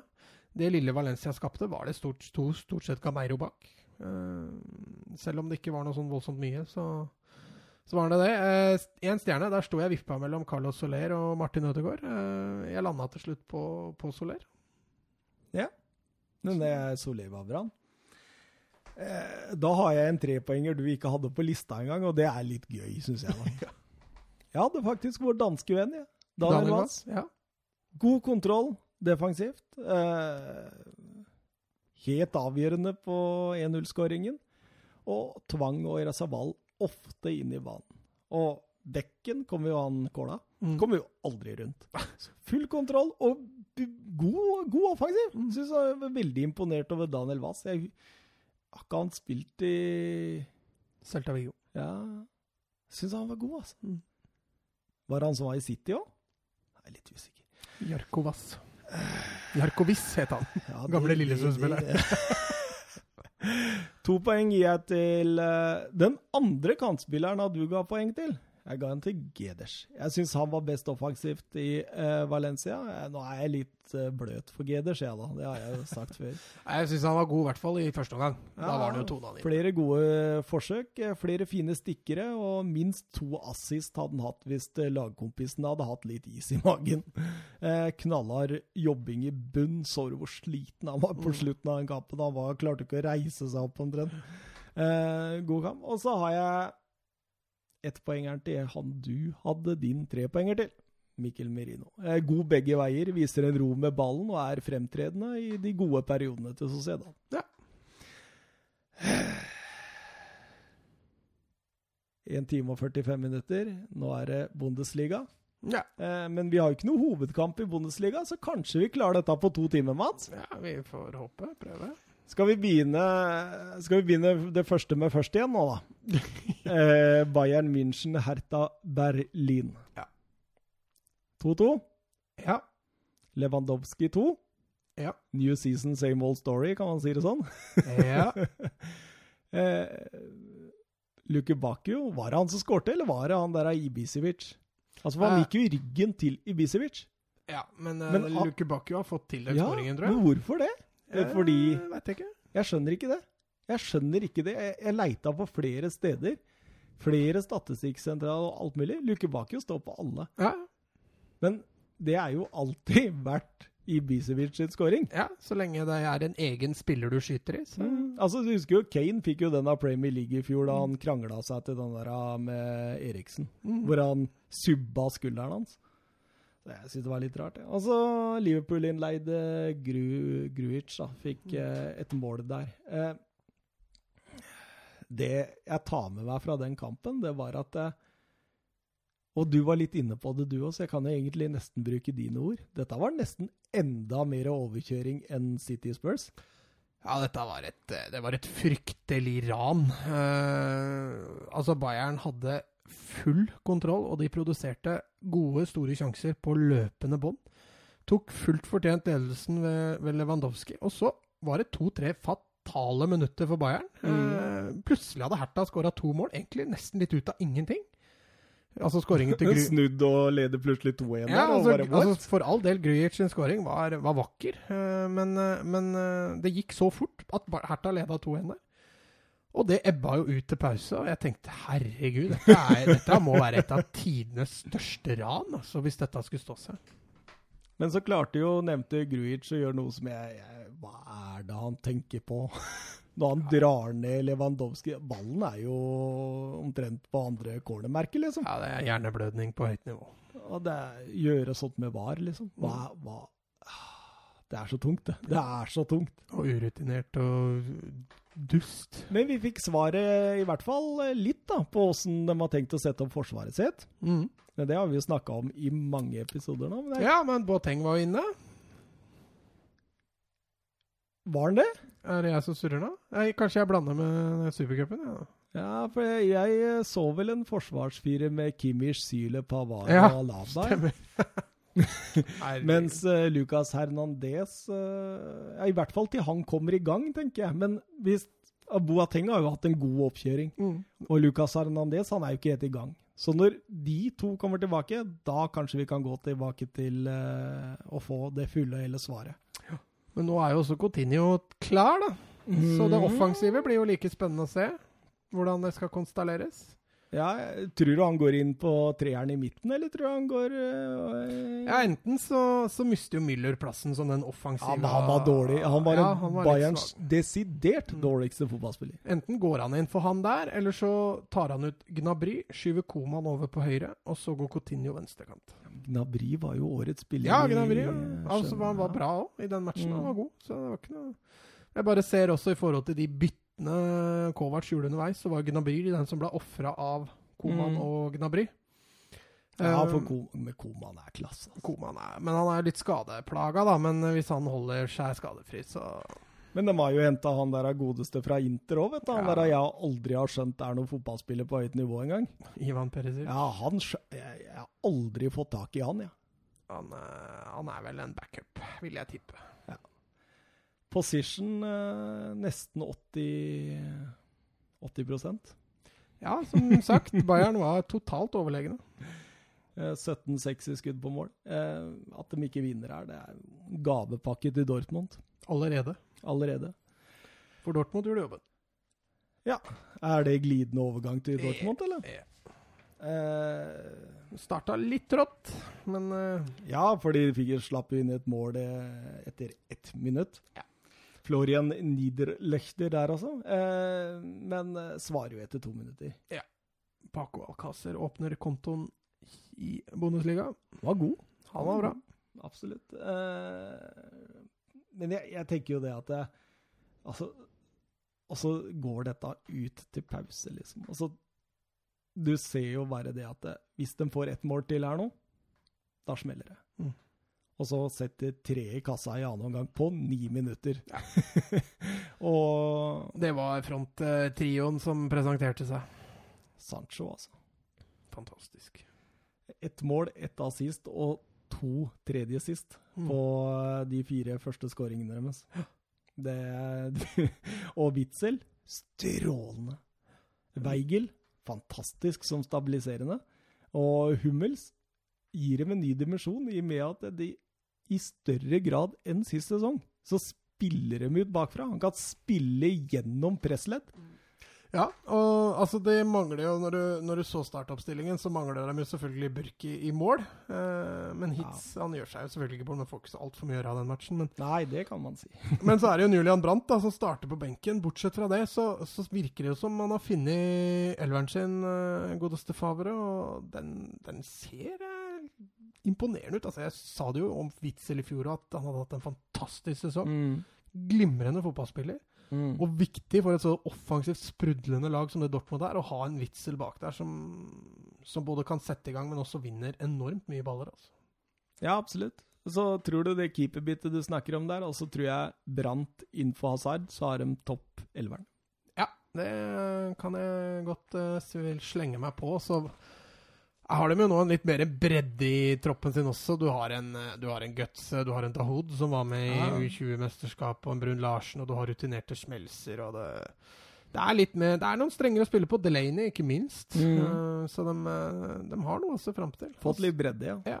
Absolutt. Apropos så har jo Augsburg signert en uh, gammel stjerne nå. Oi, oi, oi. Fortell, fortell. Uh, han er sveitser. Høyrebekk. Tidligere Juventus Arsenal og heter Liechtensteiner. Oh, jeg trodde han hadde lagt opp. Nei, han har signert for, eh, for Augsburg. Uff a meg, da. Det er lenge siden han var god. Eller har han vært god? Ja, han var bra i Juventus-perioden. Når Var de det? var på vei opp, så var han bra. Sikker? Ja. Ja, ok. Jeg har aldri sett den god. Eh, Leverkosen eh, Paderborn. Ja, det tok litt tid der òg. Bølga litt fram og tilbake der. Ja, absolutt. Eh, I løpet av 25 minutter der så sto det jo 2-2. Ja. Eh, Bailey og Havertz eh, for Leverkosen, og Sven Michel og Sterli Mbamba eh, skårte for Paderborn. Og ja, hva tenker du?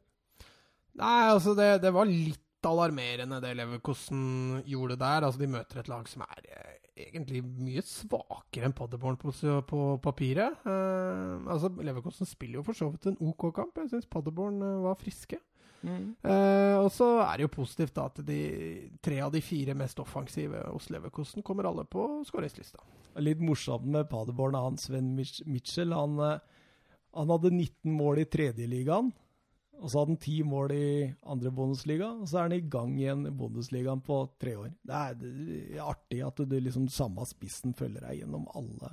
Altså tredjeliga og Bundesliga, det er stor forskjell. altså. Han ja, ja. skårer i debuten mot uh, Leverkosen der. På bortebane. Ja. Og uh, Kevin Vollan han gjør jo det han er best i. da. Han avgjør fotballkamper. Absolutt. Ja, viktig å få i gang spissen. Eh, skal vi gå over til Borussia München-Gladbach Schalke? Ja. Duellen Marco Rose mot David Wagner, den hadde jeg sett fram til. Ja, ble du fornøyd? Nei, egentlig ikke. For det var to trenere som nullstilte hverandre fullstendig. Ja. Eh, Rose kom ut i en 4-3-1-2, eh, og Wagner i en ganske rein 4-4-2. Eh, Rose pressa The Rose Way, eh, og Schalke fant egentlig aldri ut av sleit ekstremt i oppbygningsfasen. Eh, men i gjengjeld så sto de jo veldig godt og var godt organisert med stå, små avstander. Korte avstander er helt så Det er ikke feil å si at de utmanøvrerte hverandre litt, disse to trenerne. Ja, du gleda meg litt til Neuhaus og, og Markus Turam. Eh, fikk det ikke helt til, de gutta? Nei, absolutt ikke. Men uh, München Gladbach var jo best. Og jeg syns han der uh, Laslo Benes, som spilte ved siden av Neuhaus, styrte midtbanen greit. Og, ja, han var, han var, frisk. Ja, han var veldig bra. Og jeg syns også altså, at Wagners lag markant, er markant bedre organisert nå enn det var i, i fjor, da. Som gjør at Schalke Vi har jo tippa et lite hopp opp på dem. Og jeg, jeg tror pga. den organiseringa så vil det automatisk sprette opp noen plasser. Så jeg tror ikke det var så dumt av oss, jeg. Nei, altså, men altså, Gladbach på bortebane Det er ikke så mange som kommer til å ta poeng der, altså. Så at Schalke får med seg et poeng derfra, det, det tror jeg de er ganske fornøyd med. Men hvor skal måla til Schalke komme fra? Det er, det, det, når jeg satt og så den kampen uh, på Viasport der, så tenkte jeg hvor skal disse måla komme? Og så måtte jeg sjekke opp dette. Så så jeg det Spissen eh, Burgstaller hadde fire på 24 sist sesong. Eh, Benito Raman, som de henta fra Fortuna, hadde 10 på 30 sist sesong, men virka veldig langt unna i denne kampen. Ja. Eh, Hamin Harit hadde 1 på 18, og Daniel Caliguri hadde 7 på 31. Det var de fire fremste spillerne for Schalke. Kan gå mot det Altså, og siden de viste, og Wagner viste at han hadde organisert dem såpass bra på såpass kort tid. Da. Så tenker jeg at her går det mot mange målfattige kamper med Schalke i spissen. altså. Men, eh, men, det er som du sier, de er mye bedre strukturert, eh, defensivt også. Eh, Stamboli og, og Nastasic bak der kommer til å bli vanskelig å score på. Men det også jeg beit meg merke til, er jo at når grafikken kom opp i forhold til antall innbyttere, mm. la du merke til det? Nei. For da kom det jo på at Schalke hadde seks innbyttere. Mm. Men når innbytterbenken til Gladbach kom opp, så hadde de ni. Ah. Jeg måtte inn og sjekke da, om det var noe feil med grafikken. Men, eh, men Schalke kommer altså med, med, tre færre innbyttere. Det tyder jo også på at de har kanskje en litt tynnere stall. Ja, absolutt. Men det, er jo, det har jo gått noen spillere derfra de siste åra. Ja da, definitivt. Skal vi rusle innom eh, Frankfurt-Hoffenheim òg, eller? Ja. Eh, det ble 1-0 der, og nyankomne Hinteregger, som faktisk er henta på lån fra Augsburg, avgjorde på dødball ganske kjapt. Ja. Hadde gleda meg voldsomt til å se nye Luka Jovic i Dejan Jovelic der, men uh, han var plassert på benken og kom ikke inn til min store, skuffelse. Nei, De henta jo også Kevin Trapp helt på slutten der, permanent. Han var vel leid ut der i fjor, uh, så de henta litt spillere på slutten, men uh, Hinteregger var vel den som også egentlig kom ganske bra fra, fra debuten der. Ja, Hoffenheim hadde ekstremt mye ball. Eh, klarte ikke å produsere noen særlig sjanser. Eh, mye halvsjanser og tilløp. Eh, Alfred Schreuder, i Hoffenheim-treneren, han, han, har en del å jobbe med når det kommer til det offensive, tenker jeg. Ja, vi har jo, vi har jo vært så freidige vi at vi har tippa Hoffenheim foran Frankfurt på tabellen. Eh, mm. Men eh, Frankfurt fikk med seg tre poeng i den Egentlig en kamp som kan bli avgjørende, de to seg imellom. Nå sitter vi faktisk og ser på tipset vårt på tavla der, og det er faktisk plassen over. Mm. Det make litt sense sånn egentlig, men ja. Eh, blir gøy å følge Bundesliga. Denne ligaen vokser og vokser og vokser på meg. altså. Ja, ja, ja. Altså, kan, må jo ta med Union Berlin mot Leipzig. Du sendte meg jo en melding og sa det at du faktisk ofra Lillestrøm-matchen for å heller se Union Berlin. Å, jeg blei så glad. Jeg blei så glad når jeg så det greiene der. Så du det? Jeg, så du kampen? Nei, ikke live. Nei, ok. Men så har du sett den i ettertid? Ja, jeg har sett highlights og litt Ja. utdypende. Nei, fordi jeg, den rammen rundt den kampen eh, Union Berlin Altså, jeg skjønner hvorfor folk blir glad i det laget, da. Og så du dem hadde liksom De hadde en demonstrasjon der. Ja, det var veldig morsomt. At den, den, altså første kampen ever i klubbens historie i Bundesliga, så bruker den ellers så høylytte fansen å bare holde kjeft de første 15, for den protesterer imot storlaget Red Bull pga. deres eiere. Ja. Fantastisk. Ra- Ikke Red Bull, Rasenball. Ja, eller hva er det vi sa? Plensport, eh, ballklubb, et eller annet. Eh, så du folk gråt på tribunen når liksom de spilte denne introen og skulle komme inn? og sånn? Tenk, er, tenk når eh, folk gråter sånn når vi spiller introen vår. Ja, det er ekstrem, det er ekstrem passion i det der Union Berlin-laget. Eh, men eh, tøft, det kommer de til å få det. Det var smågutter mot mannfolk, altså. Ja. Uff. Og idet fansen begynte å synge, så tok jo Leipzig ledelsen. Ja, i det de begynte å synge. Og det var jo det, Altså, her kunne Leipzig vunnet så mye de ville, tenker jeg. Ja, det var en ideell start for eh, Julian Nagelsmann. eh. Det er jo, hadde vært ideell start for Mats Granvold som trener der. Det, det, det var så klasseforskjell at det nesten er litt sånn skummelt. Jeg, jeg, jeg håper så mye at det laget klarer å holde seg, men jeg tror det ikke. Ikke det. Nei, altså Da møtt, var det topp mot bunn uh, som møttes, uh, men, men 4-0, og, og det kunne vært verre. Det, det lover ikke bra for uh, Union Berlin. Altså. Skal vi over til en knallhard ukens talent for min del? nå, Mats, nå har jeg funnet talentet mitt. Dette er en kommende storstjerne. Han heter eh, Eduardo Camavinga og spiller på renn. Mm. To dager etterpå eller noe sånt nå, så spiller han mot Paris Saint-Germain og stjeler overskriften i alle verdens eh, medier.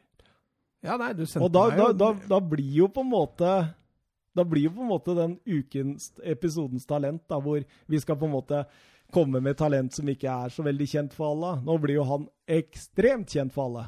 Ja, men du sendte meg jo en melding på det før helga, så den, eh, for min del så er den jo godt innafor. Han må jo være det. Han må jo være det. Så jeg tar den, jeg. Eduardo Camavinga. Merk dere navnet. Født 10.11.2002 i Mikonje i Angola. Mikonje er en liten plass i Angola som ligger ute ved Sør-Atlantersida. Klubb renn. Posisjon midtbane. Spilte for AGL Drapeau Forges før renn rekrutterte han til klubben sommeren 2013. Han har hele tiden utviklet seg på akademiet, og sist sesong vant han U17-cupen i Frankrike med renn. Rekruttrener Joe Burrell i renn sier at eh, når de ønsker å, ønsket å forsvare seg mot lag, så puttet de Kamavinga i forsvar. Når de ønsket å skåre mål mot et lag og måtte oppover, så putta man Kamavinga som angriper. Han er så allsidig at det nesten er uvirkelig. Kamavinga har allerede fått sponsoratat Sponsi, sponsor, Sponsoratat, heter det det? Med Nike. Sponsoriat. Sponsoriat. Det har vi òg, vet du. Ja, Med Nike, Kamavinga, en ekstremt allsidig midtbanespiller med et enormt repertoar. Ekstremt moden for alderen, noe som gjør at renn også kan gi han masse tid i ligaen. Når du er så moden at du spiller som du er 25, så er det jo bare å putte den på. Er du gammel nok, er du god nok. Eh, Eller er det motsatt? Er du god nok, er du gammel nok? ja, det er vel heller det. Teknisk strålende. Eh, en veldig god pasningsfot, og ikke minst fotballhodet hans. da. Intelligent fotballspiller som alltid er noen steg foran. Litt sånn kvikk òg. Litt sånn der ah, Kanté-kvikk, liksom, når han kommer i trengte situasjoner. Eh, Blei den første spilleren født etter 1.1.2002 som har startet i én av toppligaene i Europa, når han eh, debuterte i fjor. Eh, også den yngste som har notert seg for en assist i league Ø siden Oppda starta med statistikk i 2006. Eh, står nå bokført med ni A-kamper for renn siden debuten i april sist sesong. Seks av dem fra start, og i helgen fikk han altså en assist mot selveste Paris Saint-Germain. En kamp han dominerte. Han dominerte faktisk Verratti, og var sterkt delaktig i at Paris Saint-Germain røyk så det sang. Ja, nei, jeg var innom og titta litt på den matchen, og han, eh, Kamavinga var, eh, han var fantastisk til å ha den roen i en alder av 16 år når du møter verdens beste fotballspillere. Det, Over og ut, sier jeg det er en gudegave.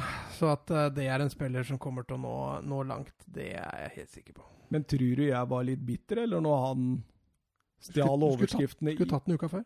alle Ja, men da hadde jeg ikke bestemt meg for den. Nei, okay. Det er nå den siste tida liksom jeg har virkelig gått inn for den, ikke sant? Ja, jeg, jeg har også et talent, da, men han har ikke slått gjennom sånn som din har. Nei, og det er gøy. Det er gøy, det liker jeg. Jeg liker det bedre. Jeg har, jeg har en, har en canadier. Oi! Kan du tippe? Det er ikke Davies i Bern. Nei, det var det jeg Ja. skulle tippe. Eh, Det er det er en- Oliver Ocean, da? eller? Ja, han, har, han, han ble for gammel. Da var det de to canadiske fotballspillere jeg kjenner til. Jonathan David. Jonathan David, har du hørt om han? Nei. Han er 19 år. Han er født eh, riktignok i New York, eh, men eh, spiller for øyeblikket for, for Canada. Han har åtte landskamper og allerede skåra ti mål, så snittet der er way average. Han spiller såkalt litt hengende spiss, møtende spiss, men kan også spille off-midt eller midtspiss. spiss. Han er født eh, 14.1.2000, noe som gjør han da til 19 15 år. Jeg tenkte Firmino, igjen nå når du sa alt det der her. Ja, men uh, han, er, uh, han har egentlig to sammenligninger. Den ene er, uh, er Firmino. Og så har han også en Jeg husker ikke navnet på han nå, for jeg har ikke vært så flink som deg å skrive ned alt. Men, men det var en amerikaner, så det var liksom ikke noe superkjent. Man, man må jo skrive ned Ja, ukas talent, ellers så går det jo ikke Det burde ha gjort det. Han er allerede verdsatt til 9 millioner euro på, på Transfermark. Hva tror du Kamavinga er verdsatt nå? Ja, nei, det har jeg ikke vært inne og sjekka. Eh, han spiller til daglig i Gent i Belgia. Eh, Han har fått så langt fire kamper denne sesongen, og han har skåra to mål og har én assist. Eh, nå skal det sies at to av de kampene riktignok var, eh, var i Europa League, men, men også i Europa League så noterte han seg da for, for en skåring. Eh, så dette er en spiller jeg mener det bare er å se opp for. Han er riktignok ikke så høy, men har en voldsom fart. Er bra fysisk og kommer til å danne et spisspar med, med Alfonso Davies for, eh, for Canada i løpet av en eh, to-tre år. Uh, og er min spiller å se opp for. Jeg tror, uh, tror fort han kan uh, havne Tror jeg han hadde passa ypperlig i Bundesliga eller i, eller i Premier League. Jeg stoler ikke på Transfermark mer, jeg. Nei. For det første står det at Kamavinga er fra Kongo. Ja. Og for det andre så står det at han er verdsatt til fire millioner euro. Ja, men det er kanskje Da er det bare å løpe og kjøpe, altså. Han er vel ikke oppdatert da, siden forrige Ja, men at han er fra Kongo, det burde de eh, skjønt, da. Han er jo fra Angola. Angola. Åh, vi rakk det nesten på to timer. To timer og sju minutter, det er ikke halvgærent, det. Nei. Når, når vi får eh, Serie A inn i dette òg, så må vi være kanskje enda mer eh, selektive. Ja, jeg tror det. Mm. Eh, nå gikk vi jo gjennom alle topplagenes kamper. Jeg tenker jo det at det sånn Vi har igjen et lyttespørsmål òg, hvis du er interessert. Ja, vi må jo kjøre det siste. Eh, godeste Vebjørn Fredheim. Oi. Han syns spørsmålet til Strømmen-treneren sist var litt kult, så han ville spørre oss om det samme. OK, åssen da? Eh, dere er sjef for Strømmen og får en PL-spiller i hvert ledd. Hvem ville det vært? Skal vi ta Nesselquist sine, da? Så vidt jeg husker, så var det De Gea, Van Dijk Pogba og Agero. Ja. Eh, OK. Ta dine først, da. Altså, jeg er ganske enig. Eh, jeg ville kjørt De Gea i mål. Skal du være trener for Strømmen, så må du ha en god skuddstopper. Eh, Van Dijk bakerst. Kanskje ikke trenger så god skuddstopper allikevel, hvis du har Van Dijk, men eh, Og så ville jeg også kjørt, eh, kjørt Pogba eh, for å få eh, For å få en mer dynamisk midtbanespiller som er toveis. Men som spiss så tror jeg faktisk jeg heller hadde kjørt inn Kane. en mer målskårer. Aguero er jo riktignok en god målskårer, for all del, men, men Kane er litt mer ekstrem. Ja. Du er egentlig på vei der. Du og Nesselquisten, da. Dere har jo tre av mine. Jeg ville også kjørt eh, Digea, så alle tre er enig. Jeg ville kjørt van Dijk. Alle tre er enig. Jeg ville kjørt Kane. To av oss tre er enig. Men jeg ville kjørt Kevin De Bruyne. Det er eh, i stor beundring av den fotballspilleren. Jeg syns Pogba er altfor varierende. Altså, nå hadde han ikke vært varierende i Obos, men Men eh, for min del så er Pogba for varierende til at jeg klarer å sette han som noe sånn der ah, prioritet på en sånn Nei, En grunn til at jeg vurderte Pogba der, er at jeg tror han er litt bedre defensivt enn det Eller han er bedre defensivt enn det De Du trenger jo ikke det når du har van Dijk baki der, vet du. Nei, men dette er et hypotetisk spørsmål, så Tråkka du meg på Ja, sorry. Aha. Da tror jeg vi var ferdig med Twitter, da, gitt. Det er bedre det når vi glemmer det, for å si det sånn. Ja. Mm, vet du hva, Mats? Det var hyggelig å ha deg her, holdt jeg på å si, i ditt eget hjem. Velkommen tilbake. Eh, neste uke så får vi dessverre ikke spilt noe podkast. Nei, Og det er din skyld. det er Jeg må ta den på min kappe, gitt. Eh, da får du fortelle alle våre lyttere hvorfor du vi ikke spiller inn podkast neste uke. Nei, det har seg slik, da, vet du, at da åpner eh, jaktsesongen. Så da drar jeg til Nord-Sverige. Og Du er en hunter. Jeg er en eh, hunter. Men tidligere så har vi jo dratt fra Dratt fra hytta og dratt fra ferier og sånn. Kan du ikke bare dra fra jakta? Altså Litt av problemet er at vi skal jo til Gällivare. Eh, da snakker vi helt nord i Sverige, eh, på grensa til Finnmark. Eh, så det kommer til å ta ja, 14-15 timer én vei i bil. Mm. Ja. Så å dra hjem på en fredags ettermiddag for å spille inn en podkast, det Kunne du sett barna her i nå? eh, Ja, det kunne jeg. Men eh, en, uke, en, uke, en uke i Nord-Sverige, det, det unner jeg meg sjøl. Jeg Du har gjør ikke så dårlig samvittighet, altså, selv om det er utrolig gøy å spille podkast. Jeg skjønner det. Skjønner det. Eh, Du kan jo kjøre en solo, da. nei. Vi har jo fått med oss Jeg har fått positivt svar fra Mr. Olsen. HamKam eh, HamKam, eh, sportssjefen. Han kommer gjerne innom studioet hans. Jeg har en rekruttrener på Lillestrøm også, på glid. ja. Men jeg kan jo ikke sitte i kjelleren din uten deg. Jeg føler det er litt rart. Nei, vi får ta en uke, og så får heller spille inn to episoder. eh. Ja, det går an, det. Ta en liten sånn bonus, og så en uh, til den fjerde serierunden i England, og den tredje i de andre. Eller, eller blir det noen sånn landslagsgreier etter hvert? Jo, det blir jo landslagsgreier etter hvert. eh, Men uh, hvis du gir meg to sekunder, så finner vi jo, finner vi jo kjapt ut uh, Kjapt ut de neste matchene, fordi den kampen i Premier League Det blir faktisk ikke landskamper imellom, altså. Vi får en runde I Premier League så er det vel Arsenal-Tottenham som blir eh, rundens uh, storkamp den uh, uka, mens eh,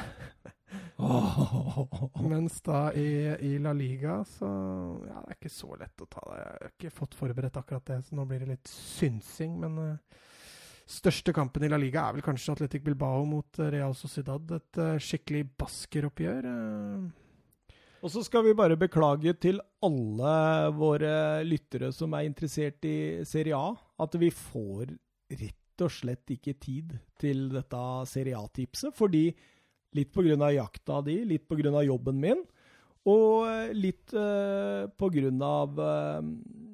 Altså, jeg driver jo og snekrer og styrer borti der nå, og alt mulig. ikke sant? Jeg får ikke tid. Nei, skulle vi få en lytterstorm på akkurat det, så får vi kanskje snuble sammen nå, men da blir det jo ikke før eh, etter andre eller tredje serierunde. Så Vi får se. da veit jeg ikke hvor habilt det blir. Men uh, til i hvert fall alle dere som liker uh, Serie A også, vi kommer jo også til å følge de på lik linje som de andre ligaene vi har snakka om i dag. Yeah. det gjør vi. Eh, klokka halv uh, to. Det er 01.26 presist. Eh, vi bruker i hvert fall et kvarter på å legge det ut, og et kvarter på å gå tur med hunden din. Vi kan ta med da, sånn til dere La Liga-elskere at det har vært en overgang der altså, i løpet av kvelden. Oi! Eh, David Merola har signert for Empoli Så det var ut. fra Inter. Du sa La Liga, Å skjønner du. ja, sa jeg La Liga? Jeg mente Serie A. Ja, ok. Jeg er sliten, jeg. Ja, jeg syns vi kan ta kvelden. Ja. Og så skal vi gå tur. Ja. Og jeg liker å gå romantisk tur i måneskinn. Ja. Eh, ha det bra, alle sammen. Eh, jeg er glad i dere. Er du? Ja. Mm. Veldig glad i eh, alt denne på en måte engasjementet som begynner å blomstre litt opp nå. Litt flere eh, spørsmål på Twitter. Eh, Jørgen, som har utfordra oss i en duell med Peter Wæland og eh, La Liga Locca-podkast. Mm. Eh, da han hadde hørt begge tabelltipsene og syntes at eh, Det var vi- på sin plass? Ja, at vi måtte duellere, rett og slett. Det har vært ekstremt gøy da, på slutten av sesongen å kunne si at OK, vi har fire ligaer, men vi slår spesialistene i La Liga Loca. ja, for vi slår dem. Ja! Gjør vi ikke det? Jo. Eh, Peter Wæland ville jo bli med. Det var gøy. Mm. Så dette, må vi kjøre. Så, så, så var det jo snakk om noe straff eller noe sånt noe til dem som tapte, var ikke det? Eller måtte, det var noe sånn, jeg leste det var rødvin, eller så var det spansk skinke, eller så var det en valgfri La Liga-drakt, eller så var det at du skulle sykle med meg til Sandnes om Solskjær! Sitter ut sesongen. Ja, jeg så det. Eh, skulle det bli, skulle det bli en realitet, så må vi ha med hjertestarter, skrev jeg tilbake igjen da. Eh, Jeg tar med hjertestarter fra jobben, jeg, vet det. For uh, Nei, jeg tror du er hakket bedre trent enn meg i øyeblikket, og Sandnes, det er fryktelig langt, ass. Jeg har regna fem dager. Jeg har begynt å regne på det. nå, Oi, du Du, du begynner å innse realiteten her? Men så har jeg funnet ut at hvis det skjer, da skal jeg gjøre det til en sånn stor greie. liksom Jeg skal eh, sykle for et veldedig formål. Ja. Mhm. Jeg har til og med nesten ordna meg følgebil, tror jeg. Ja, Så det er gøy. det blir jo gøy. Så Solskjær, sitter du, så blir det mm, så For det første så unner jeg Solskjær. Han er jo en bra type. Men uh, jeg er bare litt lei norsk media innimellom. Det er ikke Solskjær sin skyld. Nok om det. Uh, god tur til Sandnes. Takk. Ha det bra, alle sammen. Adjø, adjø.